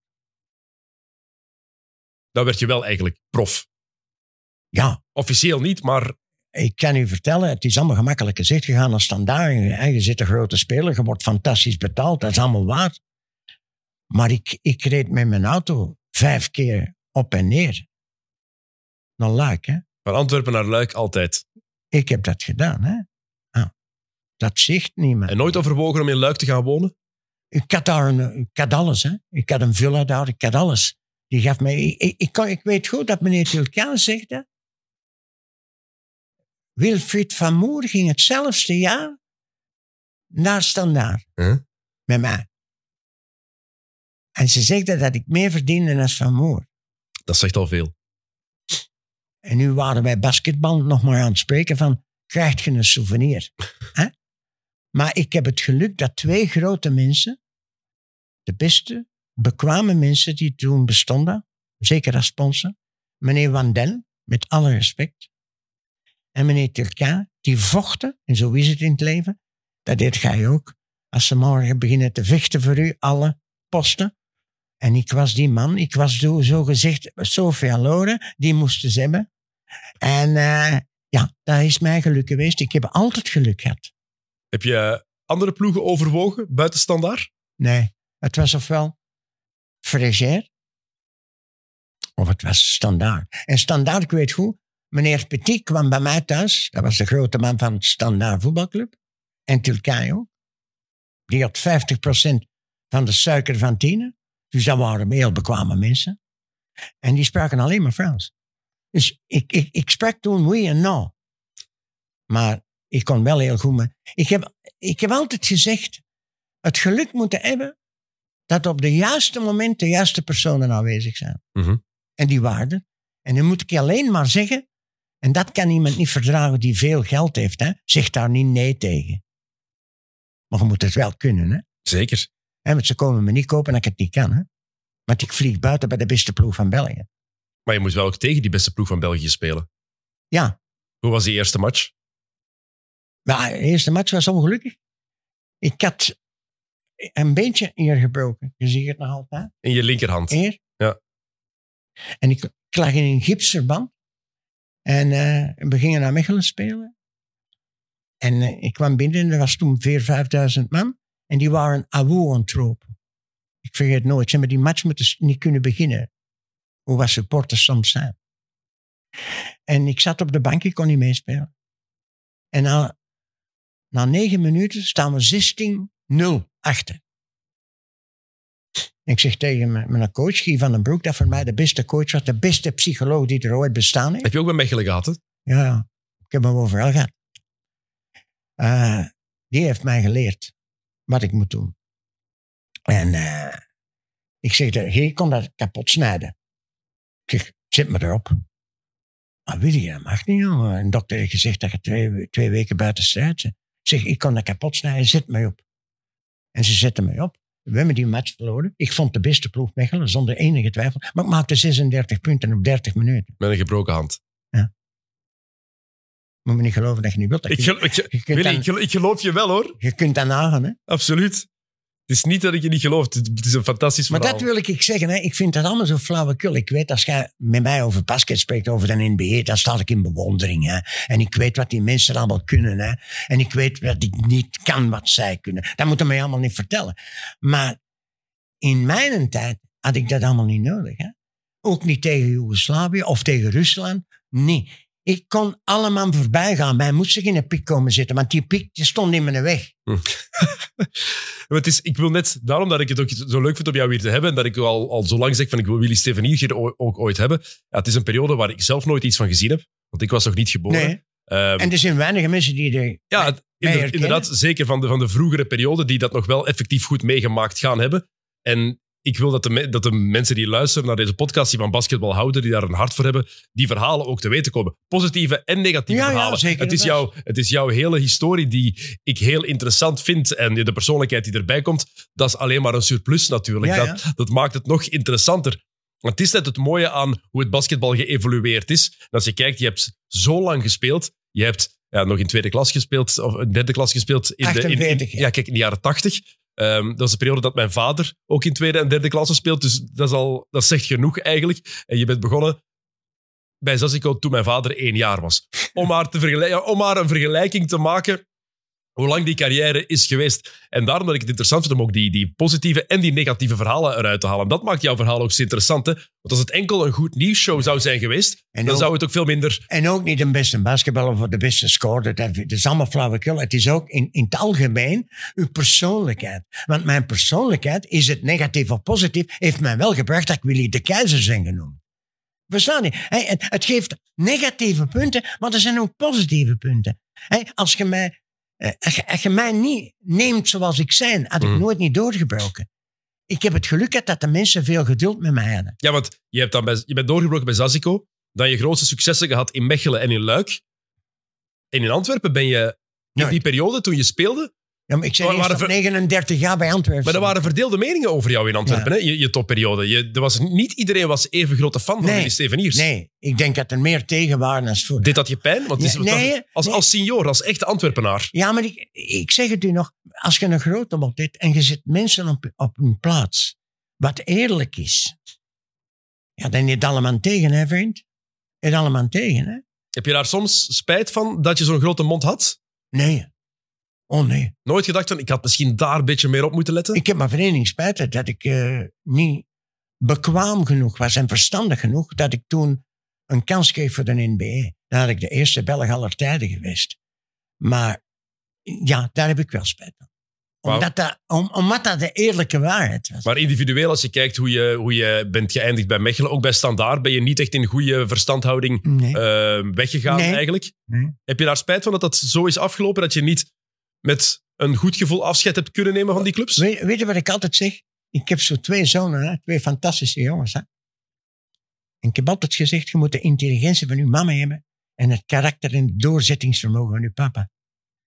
En je hebt nadelen. Hè? Wat, wat heb ik? ik? Kwam van mijn leven gehuldigd in, in Mechelen als we kampioen van België waren. En de burgemeester toen, die zegt tegen mij. Hoe is het, Willy? Ik zeg, goed. Weet je wat ik spijt van heb? Ik zeg, ik kan alles. Ik had even gewoon advocaat, een student kunnen zijn. En weet je wat hem zegt tegen mij? Hij zegt zo. Ik kon nooit uw eigen zijn en nu wel. Ik heb altijd mijn eigen geweest. Met de nadelen ook. Daar had je basketbal voor nodig om het te kunnen zijn. Ja, maar talent, Om het te mogen zijn. maar talent, hoe kan ik u dan uitleggen wat talent is? En ik zit hier te Maar babbelen talent, talent, talent valt toch nooit uit te Ik zit leggen? hier te babbelen mee en ik weet wat die jongen aan het doen is. Zonder dat ik hem moet zien. Als, als ik ga, dan weet ik dat ik de verkeerde voet sta. Eh, eh, Als ik kom binnen in mijn zaak en ik weet alles. En ze denken allemaal dat ik niks zeg. Ze zeggen, wat is dat? Dat is een gift van moeder natuur, daar heb ik niks mee te maken. Maar dat moet je ook kunnen uitspelen. En van het moment als je in een corset komt en, je- en de coach komt u zeggen, ja, dat is uw plaats en dat moet je doen, dan is het dan niet meer hetzelfde. Hè? Mhm. En in mijn tijd mocht er nog een woordje zeggen. Nu mocht er niks zeggen. Eh, toen je bij Standaard zat, ben je eh, ook Europees Speler van het Jaar geworden. Hoe ben je dat te weten gekomen? Hoe is dat gegaan? Want dat was niet met een... Ja, ik had al twintig jaar achter elkaar moeten zijn. Hè? Maar met mijn stoute mond en mijn uitdrukkingen en soms ongeplaatst.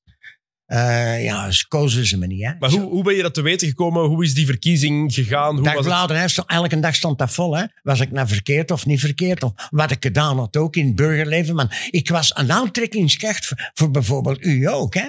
Hè, dat is, ik zit hier niet van ja en nee. Absoluut. En ja en nee. Hè. Voilà, Bob Guns heeft zijn dagblad groter gemaakt als basketter, maar hij heeft mij ook groter gemaakt. Versta je? En nu zijn er allemaal goede spelers die moeten luisteren, in de rang lopen, maar er is, je kunt dat niet meer zijn wat ik heb geweest.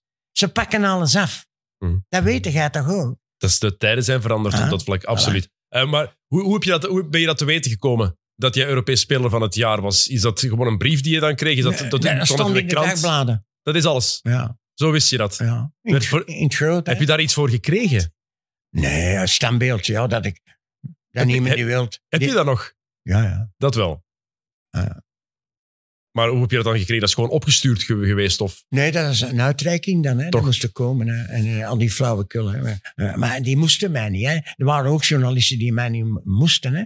Hè, bijvoorbeeld, ik, had een journalist van het. Dat was een formidabele man en al wat je wilt. En die kon zijn job.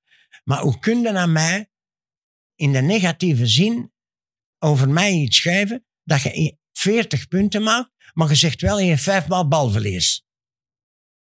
Ja, vijfmaal balverlies. Dat zal wel zijn.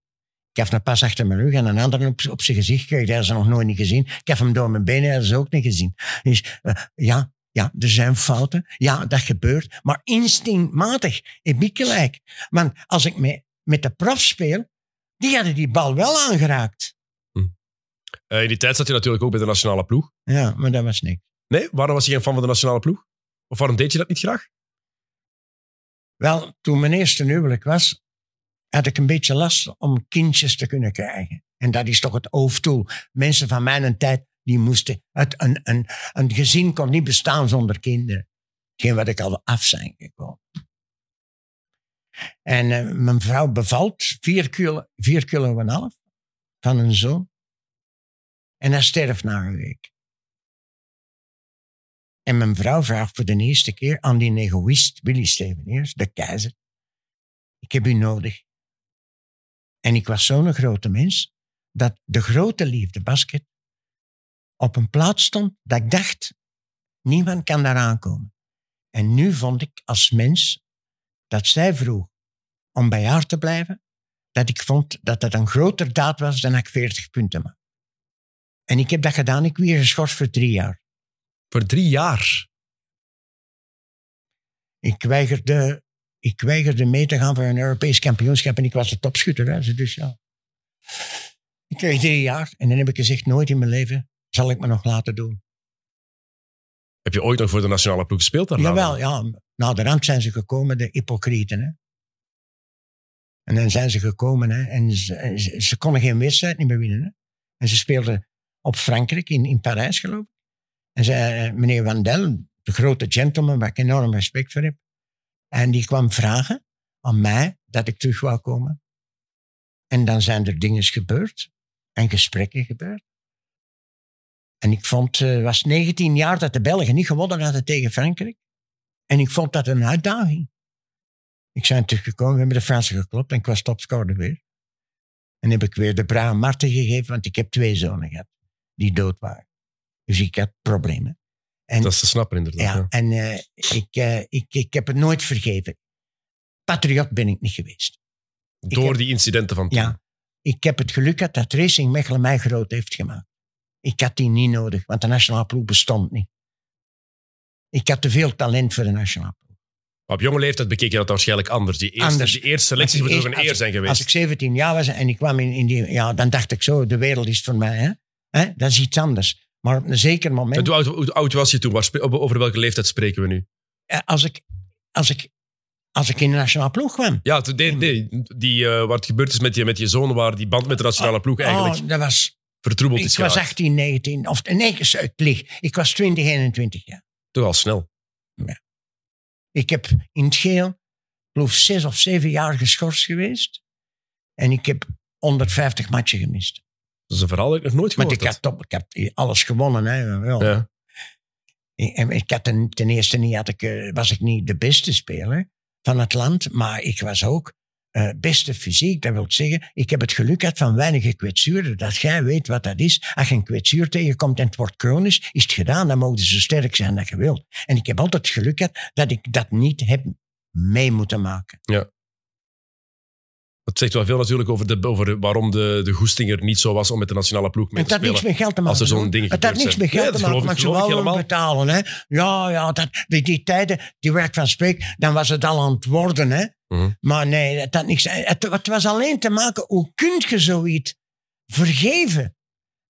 Dat was voor mij... Ik kan dat nu zeggen, ik ben nu in het tweede huwelijk en dat is de droom van mijn leven, Anita. En eh, ja, dat is de vrouw die mij Willy heeft gemaakt eh, dan een ander niet kon. Maar destijds als mens, hoe kun je zoiets eh, gestraft worden omdat je twee kindjes verleert? Er zijn er andere prioriteiten dan basketbal. Hoe groot die liefde ook is voor die sport. Nee, dat heeft menselijk te maken, Ja. dat heeft niks met sport. Absoluut. Ehm, even terug naar het sportieve. Na standaard. Ja? Het eindigt daar. Door onder andere oneenigheden met het bestuur. Ja. Onder andere, als ik denk dat dat de juiste samenvatting is. Ik met, de, denk- su- met de supporters was het ook niet altijd gemakkelijk toen. Wel, ik denk aan meneer Van den Broek, de coach van mijn leven. kwam zeggen tegen mij, het is tijd dat we weg zijn. En wij zijn samen naar Earl Goldfingers gegaan. Want dat was een rijke man die toen... Welk, welk niveau was dat? Was ook nog altijd de eerste klasse? Eerste klas. Goldfingers. Ja, ik kende die ploeg, dus ik, nog nooit, ik heb het opgezocht. Ik zag het hier staan. Ploeg in Wilrijk. Ik had er nog nooit van gehoord. Wij hebben niet verwezenlijk. Ik heb niet alles verwezenlijk aanvallen. Hè. Maar nu heb ik iets verwezenlijk dat nog nooit gebeurd is. Dat is, wij kopen de beste Belgen. Wij kopen de beste Amerikanen. Wij winnen tegen het is eender welke ploeg met 25, 30 punten verschil. En de competitie begint en we, en we vliegen eruit uit de oogsten. En waarom? Ja. Steven Neers heeft zijn slechtste seizoen van de wereld gehad. En de ploeg bestond niet meer. Met al de goede spelers. hè. En En Zonder reden. wij het- zijn uit de hoogste klasse gegaan. Hè? Maar waarom? Omdat we geen één match konden winnen. Ah, ja, oké, maar het- het- en waarom konden jullie dan geen, geen enkele match winnen? Ja. Ik dacht dat jullie eruit waren gegooid, echt. Ja, waarom? Er zal veel aan mij gelogen hebben ook. Maar eh, die, al die andere spelers zijn toch ook basketters, hè? Maar wat, was dan, wat lag er dan aan jou, waardoor dat er niet gewonnen kon worden dat jaar? Waarom? Want je zegt je slechtste jaar uit je carrière. Ja. Ik heb, heb ik jou nog nooit horen zeggen over, over je slechtste jaar, als het puur over het sportieve gaat. Dat is iets wat je niet snel... Op 36 was mijn Ja. slechtste jaar. In, in- En ja, hoe, hoe komt dat dan? Ik, ik- de me- mensen, de supporters, toen waren er ook 2000 aanwezig, die hadden medelijden met mij voor zo'n grote speler zijn geweest te zijn, dat ik op mijn voeten dribbelde. En waarom was je dan Ja, niet heb, meer de speler die, je- die je heb- daarvoor wel was? ja, ik heb door omstandigheden met, met mijn met een jongen die geboren was van mijn eerste huwelijk, Mhm. die aan, aan drugs was gekomen. En, en eh, spijtig genoeg heb ik er veel van afgezien. Ik was er niet op de goede momenten, dat weet ik. Maar eh, dat heeft zo op mij gewogen dat ik eh, het zwakste deed wat, wat ik normaal nooit doe. En ik heb beginnen te drinken om dat te vergeten. En ik heb de grootste fout gedaan van mijn leven. En voor de eerste keer, mijn lichaam was echt genomen van een alcohol. En ik kon niet meer serieus trainen. Niet meer. Laat ons zeggen dat het was gedaan als sportmens. Ah, ik heb het naar datum teruggemaakt, hè. Maar ik wil zeggen, dat jaar was voor mij een, een heel slecht jaar. Door, door drank. Dat zo'n grote... Door ja, wat er gebeurd was, naar de, naar de fles gegrepen en dat heeft jou Ja, maar, jaar maar toen is helemaal... Zo, zo weet, hè, ik heb van niks bang. Hè. Of ze moesten zelfs met een revolver tegen mijn hoofd, dan zal ik wel eens met een mond aan. Maar daar kun je niks tegen doen. Hè. Mijn kind Tuurlijk. was aan dat de heroïne. En, en, en, en ik zag die zo graag. En, en, en ik wou die helpen. En je kunt die niet helpen. En ik was een winnaar. En je kan niet winnen. Maar hoe, kan, hoe kan je daar ook mee omgaan als, als, als, ja, als, als vader? Of als Ja. ouder? Want ja, je bent niet alleen natuurlijk. Ja, ik moet eerlijk zeggen. Dat was een periode dat ik eh, voor de eerste keer mijn grote liefde basketbal niet aan dacht. Ik dacht alleen, hoe zou ik die jongen kunnen redden? Al was dat een biologische zoon alleen was, want wij waren al uiteen dat het hem twee maanden was. Maar ik vond dat mijn plicht was om dan toch... Ik heb die jongen altijd bijgestaan, niet op alle goede momenten. Want de goede momenten, dat waren alleen wanneer ik gaf. Ik was Sinterklaas voor hem. Een zekere periode van mijn leven. Maar ik vond dat... Weet je wat je niet kunt? Ik heb nu een fantastische eh, gezin, dankzij mijn vrouw. En dat is een waarde van ons. Dat is mijn sterkte van ons. En ik had dat toen niet. Dat was een biologische zoon. Maar ik had wel het gevoel als mens dat ik niet aanwezig was geweest. Maar het was niet mijn fout. En die keuze heb ik nooit niet kunnen verwerken als normale mens. En ik heb daar beginnen op te drinken. En dat heeft zeer slechte gevolgen gehad. Ik, vind het heel, ah, ik weet dat dat is een heel moeilijk onderwerp. Dus ik vind het heel mooi dat je daar zo open en eerlijk over durft en kan zijn. Dat is, eh, Mhm. is niet evident. Dat is het minste, Nee. minste, minste, dat, minste dat ik kan zeggen eigenlijk. Eh, nu nog, nu weinig nog, woorden voor. Tuurlijk. nu nog, als ik erover spreek, moet ik oppassen. Hè? Dat, dat blijft je achtervolgen, Ja, zoiets. dat is, eh, dat is maar, eh, maar al te logisch. Ehm, maar het heeft wel, dat jaar heeft wel ook positieve gevolgen dan voor jou gehad, als ik het zo mag zeggen. Want daarna, na dat ene rotjaar, waarin de drank zoveel eh, invloed heeft gehad op jouw lichaam, op jouw leven, door wat er allemaal gebeurde met je zoon ook, daarna ben je wel voor het basketbal echt beginnen leven. Eigenlijk voor het eerst, Ja, maar dat was dankzij mijn vrouw. je huidige vrouw. Die had, meer, die had meer in mij gezien dan ik zelf. Eigenlijk is zij de beste coach die je ooit gehad hebt. Alles. Dat is mijn beste vriend Ilko. Hè? Eh, dat wil niet zeggen dat wij overeenkomen. Wij zijn dag, dag en nacht verschil. Maar zij is de enige vrouw die Willy en de keizer in haar handen had. En die heeft de enige beter gemaakt dan slechter gemaakt. En zij heeft de moed gegeven om de kunst terug te nemen van de grote liefde. En zij heeft gezegd, hoe kan dat dat jij u laat gaan? Hoe heeft ze dat gedaan? Hoe heeft ze dat in jou naar boven gekregen? nooit negatief geweest, altijd positief. En altijd gezegd, niemand kan u temmen, maar jij moet alleen beseffen dat je verkeerd bent. En ze heeft dat in het begin een beetje meer moeten zeggen, maar ik kan eerlijk zijn. Ik denk, ik denk persoonlijk, ik dacht dat het niet bestond, hè? maar nu weet ik dat. Ik heb veel meisjes gekend en veel toffe meisjes. En ik heb veel genoten. Maar het enige meisje en vrouw die op mij enorm waarde heeft geschonken, dat is mijn vrouw. Toch, nog. Met mijn grote mond, nog. Want hoe lang zijn jullie nu samen? 47 jaar. Dat zegt genoeg. Ja, maar toch, maar toch, eh, ik weet niet. Eh, Zij heeft de waarde van een gezin aan mij geleerd. Omdat ik van 15 jaar thuis weg was, ik was altijd op straat en ik was Ja. altijd de Willy, de macho. Nee, dat was niet waar. dat, was, dat was feitelijk de frustraties en de complexen die in mij zaten. En zij heeft mij gewoon nooit negatief bereikt. Ze heeft nooit niet gezegd dat ik slecht was. Ze heeft nooit niet gezegd dat ik verkeerd was. Ze heeft alleen gezegd dat op de negatieve punten, dat ze Vind je nu dat je gelijk hebt? Jou op de juiste manier aangepakt. En ik vind dat heel belangrijk. Kan ik heel goed geloven. Dat is een coach van een ploeg ook. Ja, ja, vooral, ja, je- daarom dat ik het zei. Het is misschien wel de beste coach die je dan gehad hebt. Ja, Als zij dat in jou naar boven heeft gekregen en ook jou mee uit die moeilijke periode heeft kunnen helpen, dat doe je niet zomaar. Maar ik zie dat ook, hè. Zij heeft mij geleerd van een familie. Ik ken dat niet, een familie. En ik zie dat ook. Wat zij gebracht heeft. Vanaf mijn 37 jaar tot nu. Zij heeft mij geleerd dat zo vernaam is. Dat broer en zuster. En vrouw en man en zonen. Zo belangrijk in uw leven is. Er bestaat niks belangrijker. Dat is de kracht. Ja. Zij heeft me dat geleerd.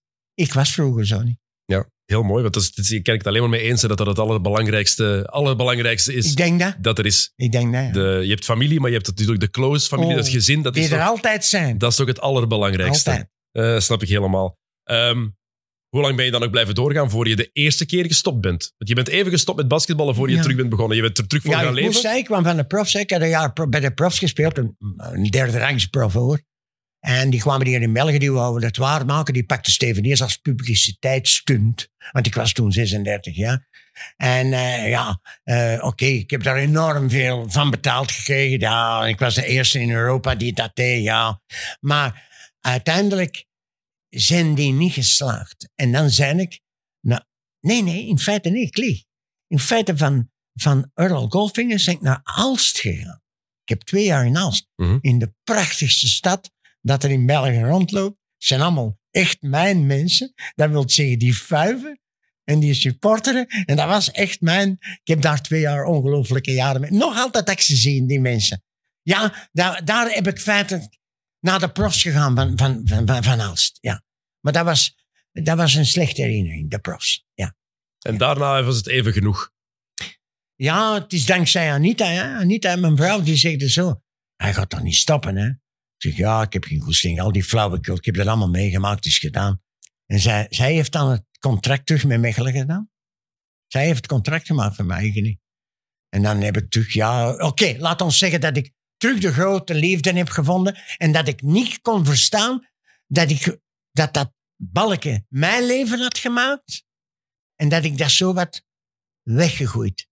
En ik heb terug dat balken opgenomen. Ik heb gezegd, dat, daar zijn ik een mens mee geworden. Terug die grote liefde. Die eerste liefde. Maar ik weet goed dat ik... Ik moest nooit geen supporters hebben. Hè. Ik moest ook geen, geen, geen psychiaters hebben, want dat mogen ze allemaal doen met andere mensen. Ik ging in het park. Hè. Ik woon in een park, de nachtegaal. En ik ging met, met, met mijn kort broekje en mijn basketsloeven en, en mijn balken. Ik was de gelukkigste mens ter wereld. Dat is voor mij het grote doorzettingsvermogenpunt dat ik ooit heb meegemaakt. Dat is die drang naar het slagen en niet opgeven. Hm. Dat heeft die bal veroorzaakt. En ik vind een van de mooiste verhalen eigenlijk nog altijd, wanneer je stopt daarna, na een tijd stop je even met basketten, maar op je 45ste begin je terug in derde klasse, denk ik, In derde klasse. met een deel van je oude ploegmaats, Allemaal van je, van je vrienden, Hm. allemaal veertigers. En jullie halen daar bijna de halve finale van de Beker van België. Ja, en als het, als het eerlijk gebeurt, spelen we de beker van Europa. Ik heb die beelden daar straks nog eens bekeken. Hij doet zo. En het kunt... Ja, jullie, jullie spelen de kwartfinale. Jullie in de, wacht, in de achtste finale schakelen jullie een eerste klasse uit. Ik ben even aan het denken wie het weer was. eh, Ik kan er niet op komen, moment. ik ga zo meteen even opzoeken. Maar dan in de kwartfinale spelen jullie tegen een tweede klasser en jullie verliezen met één punt. ja. De laatste seconde. Ik geloof nog drie, vier seconden en die shot en die is binnen.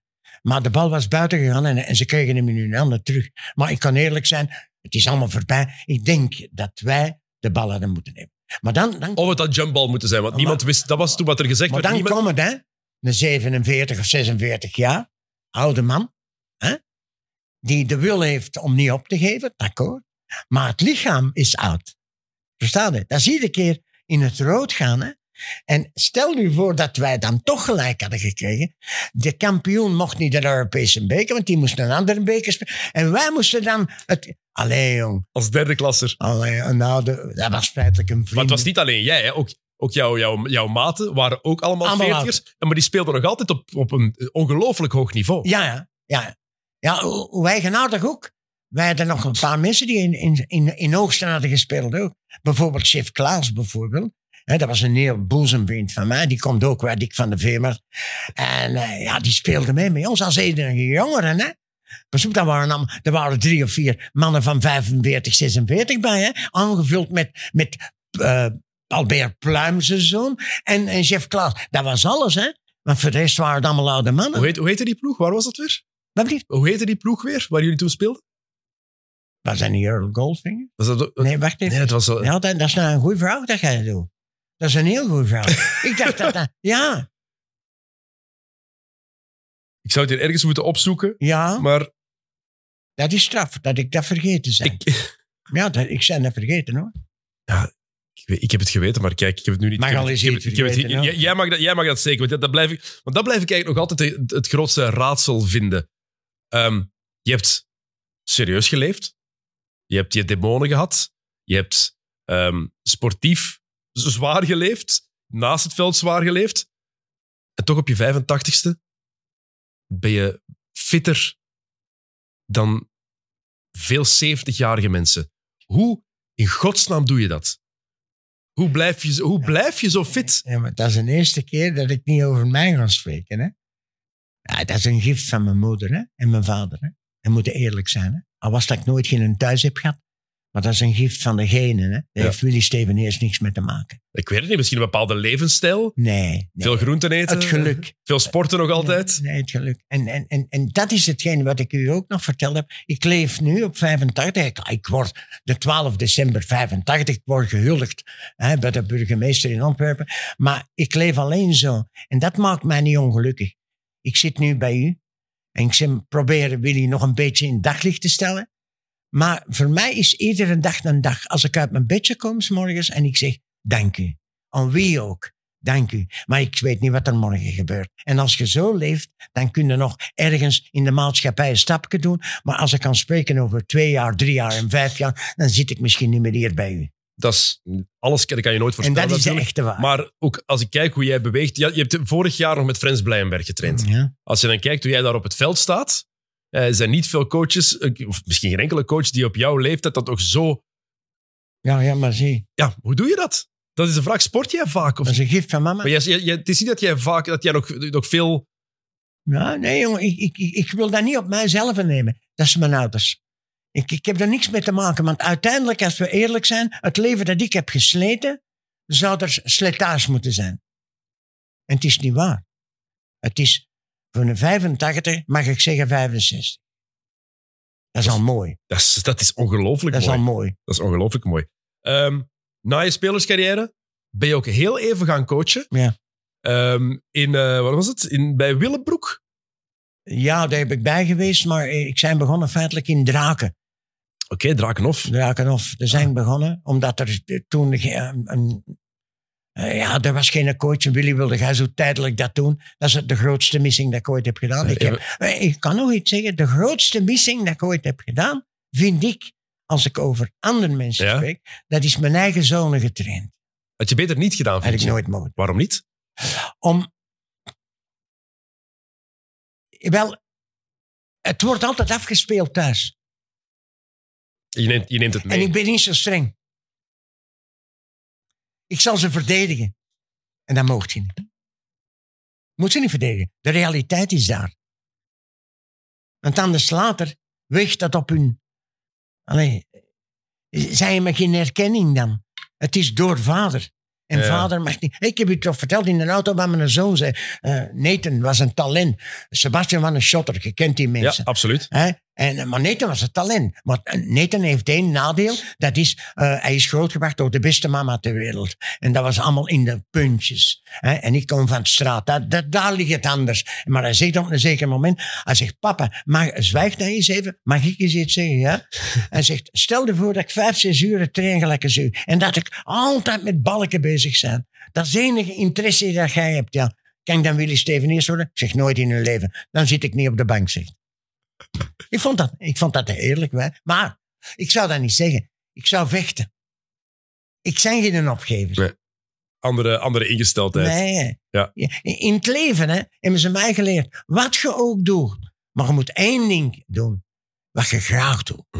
Ja, en een ploeg coachen was misschien niet... niks voor mij. Ja, want je hebt bij Willebroek, daar zijn beelden ook van. Ja, jij mocht niet op de bank Nee, zitten. maar ik zat er met een walkie-talkie. ja, je had geen licentie. Je zat echt te coachen met een walkie-talkie. Ja, nee, nee, nee. En eerlijk gezegd, ik, ik, ik zeg veel wat ik kan, maar dat kon ik niet goed. Een ploeg. Bestu- nee. Waarom niet? Nee, ik ben een individualist. Als jij subiet met mij gaat, hè, ik ben nu ik ben nu 85, hè, en jij bent 38, hè, je, Ja. weet, je weet, ik ben nog niet dement. Hè, Dat, dat klopt helemaal. En, en, en jij gaat met mij op terrein, hè. Wel, ik zeg dat ik u bijleer. Daar, heb ik Besef wat ik zeg. geen seconde maar twijfel niet wat die over. coach zegt, hè. En niet wat een basket betekent, maar u, hè. U help ik. Ik heb altijd gezegd, En dat is eigenaardig. Alle mensen spreken over hun eigen en zeggen hoe goed dat ze geweest hebben, zoals ik. Maar u beter maken, dat is het voornaamste. U beter maken, dat kunnen weinige mensen, omdat dat in ploeg gebeurt. Ja. Ik ben een individualist. Ja, je hebt er ook met een paar... Je, je zei het al, je hebt, je hebt heb je al vernoemd. Daar heb je, heb je mee gewerkt. Ik Dus heb, ik heb vijf jaar met Roel gewerkt. Ik heb ook al zijn contracten gemaakt. Is het waar? Ja, ja. Allee, aangebracht, hè. Aangebracht, hè. Wat ik zei. En dat, is, en dat is wel iemand die heel goed is in een ploegcoachen. Ja, Die daar wel voor gemaakt is. Ja, maar die was anders. hè. Dat is ook zijn nadeel. Hij heeft ooit gezegd tegen mij, ik, zeg, ja, ik, heb, ik heb dat altijd gezegd, ik zeg, de trapwijze is in Antwerpen beginnen, folklorestad. Ah, de mannen met de dikke nekken. ik zeg, die maken u. Ik zeg, en dan gaat je, gaat je naar de, de buitenwijken. Ik zeg, en als je daar waar hebt gemaakt, gaat je naar Spanje. Dat is het mooie land. En waar we heel goede basket spelen. Ik zeg, en dan, als we daar de beste zijn, gaan we trapje naar de NBA. Ik zeg, maar nooit naar daar gaan van hier. En dat zijn de missingen wat Roel tegen mij gezegd heeft. Jij bent een killer, dat zegt Peter Lorry dan ook, dat mag hem vragen. Ik ben een killer, ik ben een goede mens, ik sta voor u. En dan zeg ik zo, gij ik. En dat is. Hè, maar eh, het is hier. Voor naar Spanje te gaan, hij wou dat niet. Hij wil het niet. Hij wil bij zijn gezin zijn. Mhm, En de- iedereen heeft daar recht op. Absoluut. Maar Roel was een speler die in Spanje had kunnen spelen. Zonder enige twijfel. Ja, zijn, als je kijkt, je hebt eh, Ronnie Bayer al genoemd. Je zei, de, de speler die het dichtst bij mij in de buurt is gekomen ooit, is Ronnie Bayer. Heb je Ronnie. altijd gezegd, hè? Ronnie, Ronnie had overal kunnen spelen. Met hè. zijn talent. Ja, ja, hij was het talent, maar het, het, het, het, het, het, het, het talent echt ook van de straat. Hij was de enige 13-jarige die mocht meespelen met ons op tunnelke. 13. 13 was hem toen.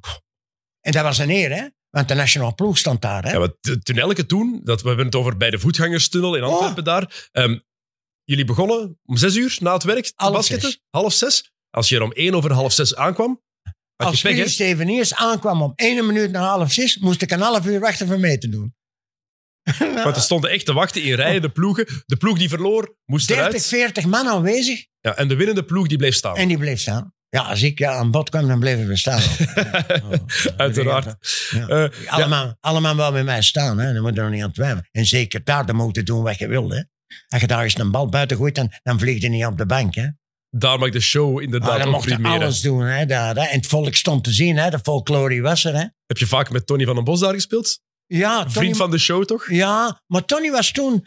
Tony was toen nog maar in de beginperiode. Vergeet niet, die jongen die zal ook toch wel een 15 jaar schulden met mij zijn. Tony is nu 70 dit Ah, jaar. wel, ja, 15 klopt. jaar. Pas op, in die tijd, als je, als je 15 of 30 bent, is een groot verschil. Hè? Ja, zeker. Maar ja, Ronnie is nog wat, Maar de grootste, Ronnie was, is nog wat jonger, hè? de grootste was Ronnie, die mocht meedoen. Dat zegt hem nu nog altijd. Die mocht meedoen, hè. Ja, ja, maar dat ging niet. De nationale ploeg was aanwezig. Hè? Dat is het liefste wat ze deden. Hè? Ze, ze hadden heel de competitie gespeeld. Allee, kun je je voorstellen? Suner.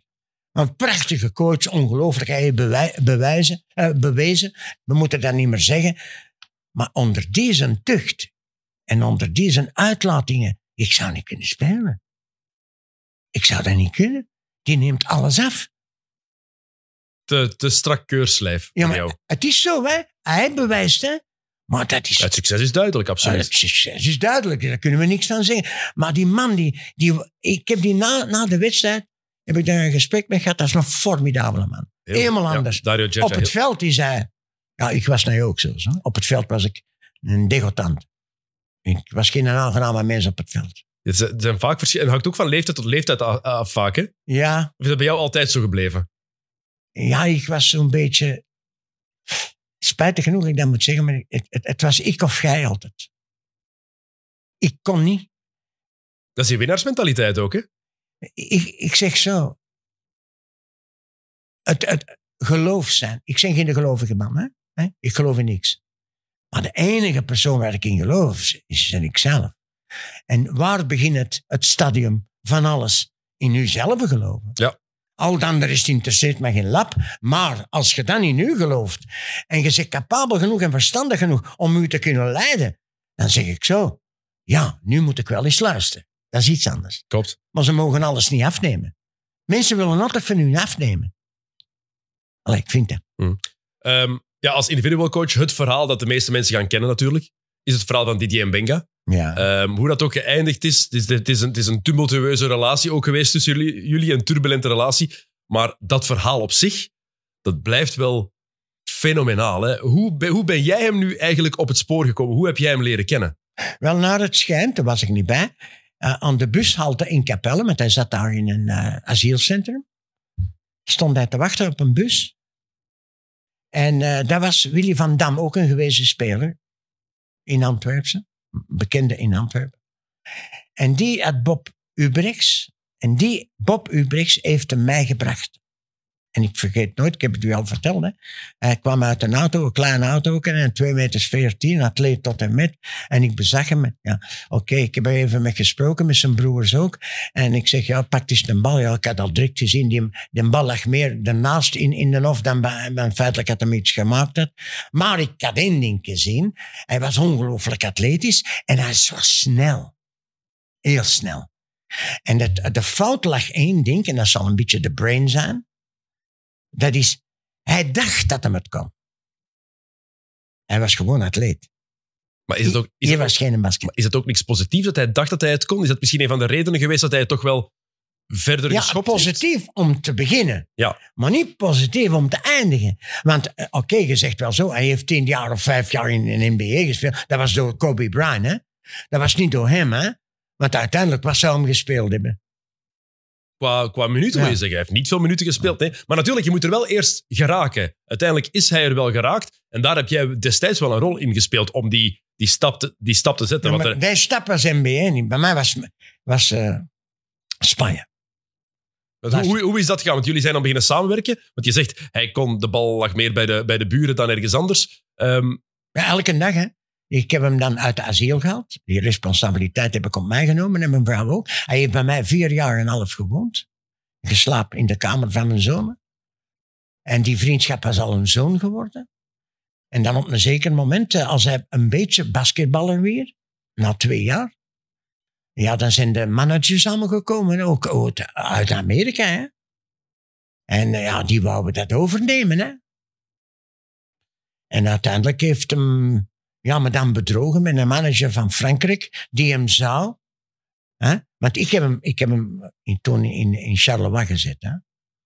Maar in feite is het allemaal zo, en dat is altijd, mensen die veranderen soms voor geld. Dat is spijtig aan alles. Ik ben nooit veranderd. Ik ben altijd willig gebleven. Altijd. Altijd. Met al mijn mensen. want, Ik je, want je leidt hem op. Je leert hem de basis die hij moet leren. Hij gaat bij, eerst, eerst speelt hij bij Antwerpse, denk ik, dat hij eerst speelde. Dan gaat hij naar Charleroi. En uiteindelijk maakt hij de overstap. Hij, hij gaat eerst nog naar Fleurus, hè? Inderdaad. Hè? Dat was toen wat het, de satellietploeg van Ja, Charleroi eigenlijk toen. hè. satellietploeg. Ja, Ja. ja. Ja, Ehm, jullie, jullie hebben ook, heb ik nog gezien in het, het de reportage die je gemaakt hebt, eh, met, eh, dankzij Leender Derk met, eh, met Frank Raas. Ja. Ehm, daar, ehm, je hebt ook nog met hem tegen Arvidas Sabonis onder andere gespeeld. Ja, nee, ik zal dat vertellen. Ja, ik kende de grootste coach. Er is geen grotere coach geweest als Malkovic. En ik kwam in Malaga en ik zeg tegen mijn zoon, kom weet je wat ik kan doen? Ik zeg, kon eens naar, naar, Marbella gaan en ik kon hem opzoeken. Ik zeg, en ik kon een Didier voorstellen. En wij zijn daar gegaan en nu is het echt de waarheid wat ik vertel. Ik vergeet nooit, voordat we naar het stadion gingen, was dat zo'n 200 meters. En ik kom uit de wagen en Sabonis staat daar naast Malkovic. En Malkovic zo, hè, want Loredon weet dat, hè. Die kwam zo, die deed zijn ademen open. En hij zei, come on. Hij pakte me vast. En dan heb ik Didier voorgesteld. En ik vraag het altijd om mensen die zeker bekwaam zijn. Want die kan niet leren ook. En hij zegt, Willy, hij is nog niet, niet rijp voor dat. Hij weet het hier nog niet. Maar atletisch is hem er. Dus, ik, ik, ik wou stap voor stap de NBA bereiken. Hij heeft geluk gehad, hè.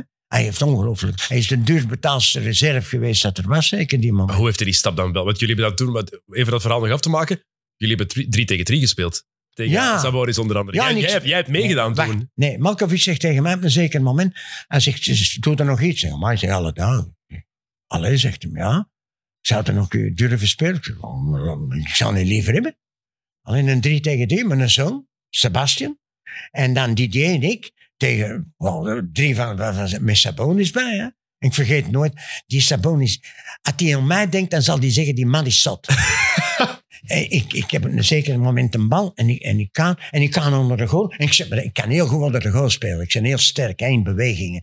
En ik zet me een elleboog in. Allee, dat was onze een Brooksband, hè, want die was 2 meter 20. Hè. En ik zet, en ik wil gooien, en die, en die blokt me een bal, maar hij ook mijn hand. En ik zeg, hé, die bal terug, hè, geen fout, hè, come on. Hè. Die dacht, man, die mens, die is over de 50, maar is die zot? Dat is fantastisch. Dat is Sabonis, hè, dat was wereldberoemd, hè. fantastisch. De grote Arvida Sabonis, Ah. letterlijk en figuurlijk. Hè? Ah. Het is, eh, Maar die dacht echt dat ik krankzinnig was. Hè? Maar Malkovic wist dat. Hè? Ik geef nooit niet af. Hè? Nooit. heb je gewonnen, Marsje? Nee. Sabonis eh, heeft de doodslag gegeven. As far as around. Want ik, had, ik wist op voorhand wat ze gingen doen. Hè? Ze gingen afzakken voor mij. Hè? En, eh, want op een half veld zijn ik nog altijd... eh, op een half veld moeten we niet pakken. Hè? Dan moet het nu nog.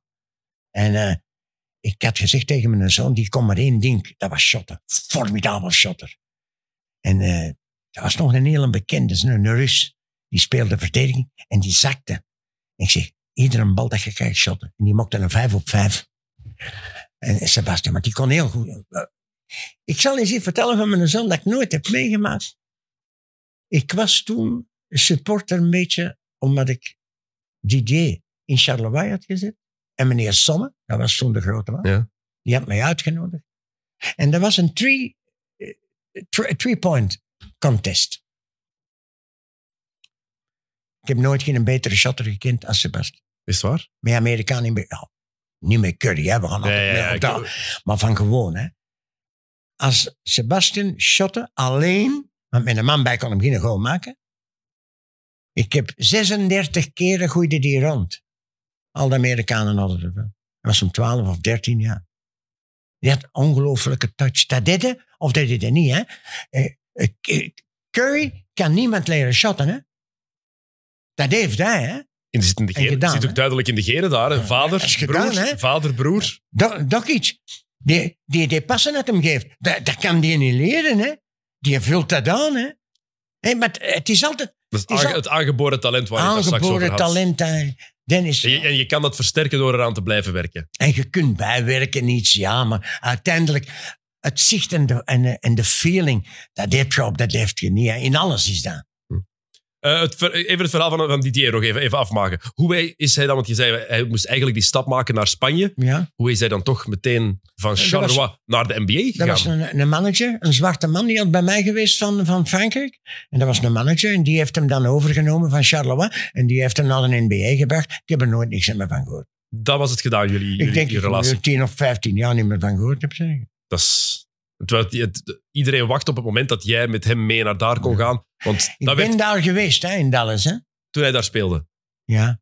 En hoe was dat dan? Wel, dat was een beetje een ontgoocheling. Ik kwam daar aan. Ten eerste was het al twee uur te laat. En ik stond daar te wachten. Ten tweede, hij woonde fantastisch. Ik heb in een klein hotelletje moeten gaan. Een, een, een, een van niks. En, eh, en uiteindelijk, ik sprak tegen de coach, een, heel, een, een beroemdheid, Don Nelson toen, ja. Don Nelson. En hij zei, eh, you're the coach or, or what, your father? I said, no. I said, I found him. And uh, I teach a, few things in basketball. She I was also a basketball player. Oh, yeah. And uh, zegt, um, you know what he is? She I know him very well who he is. En, en dan heb ik dat geleerd van die coach. Hè? En die zegt het tegen mij, omdat ik nog een little verstandig zijn op basketbal. Zegt hij, he's not a born rebounder. He's a jumper. En dat is waar. Wat is nou born rebounder? Dat was, hoe die een bekende? Die, Dennis, Dennis Rodman. Rodman. Charles Barkley was ook zo. Die staan... Ze- Weet je wat ze in basket verkeerd doen? Ik leer dat aan, hè, aan die mannen. Hè. Die zijn aan het shaken, die gaan naar omhoog en die shot. En dan volgen ze die bal, allemaal. En dan gaan ze rebounden. Rodman deed dat niet, hè. Rodman, gelijk dat hij zag dat hij naar die positie ging, ging hem hem weg van, zijn, van onder de goal houden. Hè. Die kon die rebound niet pakken. Hè. Zie je wat ik wil zeggen? De, rebound, de rebounders zijn de mannen die de beste plaats hebben. De uitverkorene plaats. Mhm. Want als je een van 22 hebt, moet je niet zien dat er maar anders staat. Hè? Eh, Dat vind ik, en dat was hem niet. En dat is ook bewezen geweest. Dat had Didier niet Nee. in zich. Didier was een, een zwarte jongen die zeer atletisch was. En die heel snel was voor 2,14. En dan houdt het op voor te zeggen, basketbalkennis was een klein beetje niet zo groot. Ik zal het u zo zeggen. En u weet dat ook, je kent Didier. Eh, het spelletje. Wij hebben dat geleerd van kleins af aan. Dat was het nadeel. Maar dan is het... Oké, ook al is, zou het dankzij Kobe Bryant zijn, zoals u daarnet zei, eh, het is en blijft wel straf dat hij die jaren daar, dat hij er zo lang in gebleven is. Heeft hij van 2004 tot 2011 in de NBA gespeeld uiteindelijk. Zeven jaar. Er zijn er weinig, er zijn er weinig die hem dat nadoen natuurlijk. Hè. Kan je, je, kan, je kan zeggen wat je wil, dat blijft, dat blijft wel straf. Ook al speelde hij niet veel. Twee ringen gewonnen aan de zijde van Kobe onder Phil Jackson. De duurst betaalde zelf wat er was. Hè? Eh, en- maar ik- oké, ik vind het een eer voor hem. Voor mij is het geen eer, want het is spijtig dat eh, die vriendschap zo uit elkaar is gegaan. Ja, want hoe kijk je daar nu zoveel jaren later op terug? Voor mij bestaat dat niet meer. Die, wat er geweest is? Of, Nee, dat bestaat niet meer. Dat is een, een bladzijde uit mijn boek die weggescheurd is. En eh, dat is een familiekwestie geworden. Hij is grootgebracht, vier jaar en half bij ons. En eh, dat is helemaal iets anders dan contracten maken en basketbalspeler zijn. het, is meer, het is meer dan basketbal Ja, alleen. Het het was echt, familie. Het is als mens dat dat spijtig is gebeurd. Ja, jammer, heel jammer dat het zo is. eh, Ik vind dat, Is ja, afgelopen. Ik vind dat spijtig, ja. snap ik heel goed. En daarmee heb ik gezegd, geld kan mensen veranderen. Oké, om af te ronden. Ehm, je kijkt nog altijd veel basketballen. We hebben het er in de wagen naar hier uitgebreid over gehad. Ja? Ehm, ik, ik, weet, ik, weet van, ik weet van heel veel mensen eh, dat ze NBA-nerds zijn, maar jij bent zelf ook iemand die, die het nog altijd heel goed volgt en heel veel kijkt. ja, maar Dennis, ik zal je iets zeggen. Wij zijn er eens over. En voor u is het moeilijker om dat te zeggen. Voor mij niet. Maar het basketbalniveau is in België zeer gezakt. Het is gezakt, ja. Het is, het is minder dan het 20 jaar geleden, was spijtig Eh, genoeg. En dat is de reden. Ik, heb- ik ben uitgenodigd geweest een titelstrijd ook te zien in, in Oostende. Maar dat is de reden waarom ik niet graag niet meer... Ik zal wedstrijden zien omdat ik geen leek wil zijn. Mhm.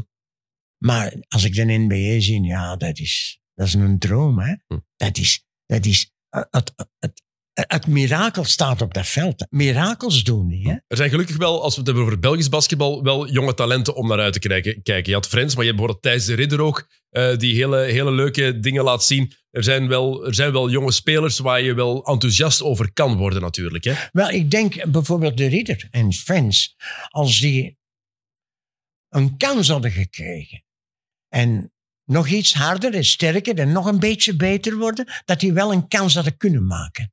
En de Ridder, ja, moet ik zeggen, ik heb die ene keer goed bezig gezien, doet het is goed een in Spanje. heel goede speler. Hij doet het heel goed Ja, in Spanje. En uiteindelijk is hij maar 20 of 21 Ja, ja. jaar. En hij heeft nog veel te leren, maar hij kan het. Het gaat niet lang duren voor die naar, eh, voor die naar een Euroleague-ploeg gaat. Dat is, het enige spijtige is dat hem niet in de handen van Steven Eers is gekomen, dat hij, dat hij 18 was. Heb je, heb je AJ Mitchell al eens zien spelen? Die heeft tijd geleden bij Limburg gespeeld, speelt nu bij Santa Barbara in college. Nee. Dat is ook iemand waar jij fan van gaat zijn. Ja? Linkshandige guard, eh, Ja. zoon van Barry Mitchell. Ja. Ja, AJ Mitchell, dat is een, dat is een speler Ja, voor jou. zijn vader is ook nog. Ja, daarom moet je maar eens... eh, Dat is een speler waar je volgens mij verliefd Speelt op met worden. Limburg, hè? Nee, hij speelt nu in eh, Santa Barbara in college. Oh, Ja, ja, ja. ja. En dat is echt een... eh, En hoe oud is hij?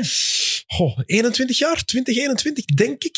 Ik ben niet 100% zeker, zou ik even moeten opzoeken. Ehm, maar heel leuke, heel leuke speler. Er zijn wel een paar... En dan heb je natuurlijk ja, Toumani Camara nu bij, bij de Trailblazers, eh, die daaraan doorbreken is. Er zijn wel wat leuke, leuke jonge talenten. Sibele Degen bij Okapi bijvoorbeeld, een harde werker. Ja. Er zijn wel wat leuke Belgische talenten om naar uit te ja maar kijken. ik heb niet gezegd... Ja, maar nee. Het woord talent... Hij is mo- 21 trouwens, Het woord talent mogen niet gebruiken. Nee? Oké. Nee, nee een, een talent...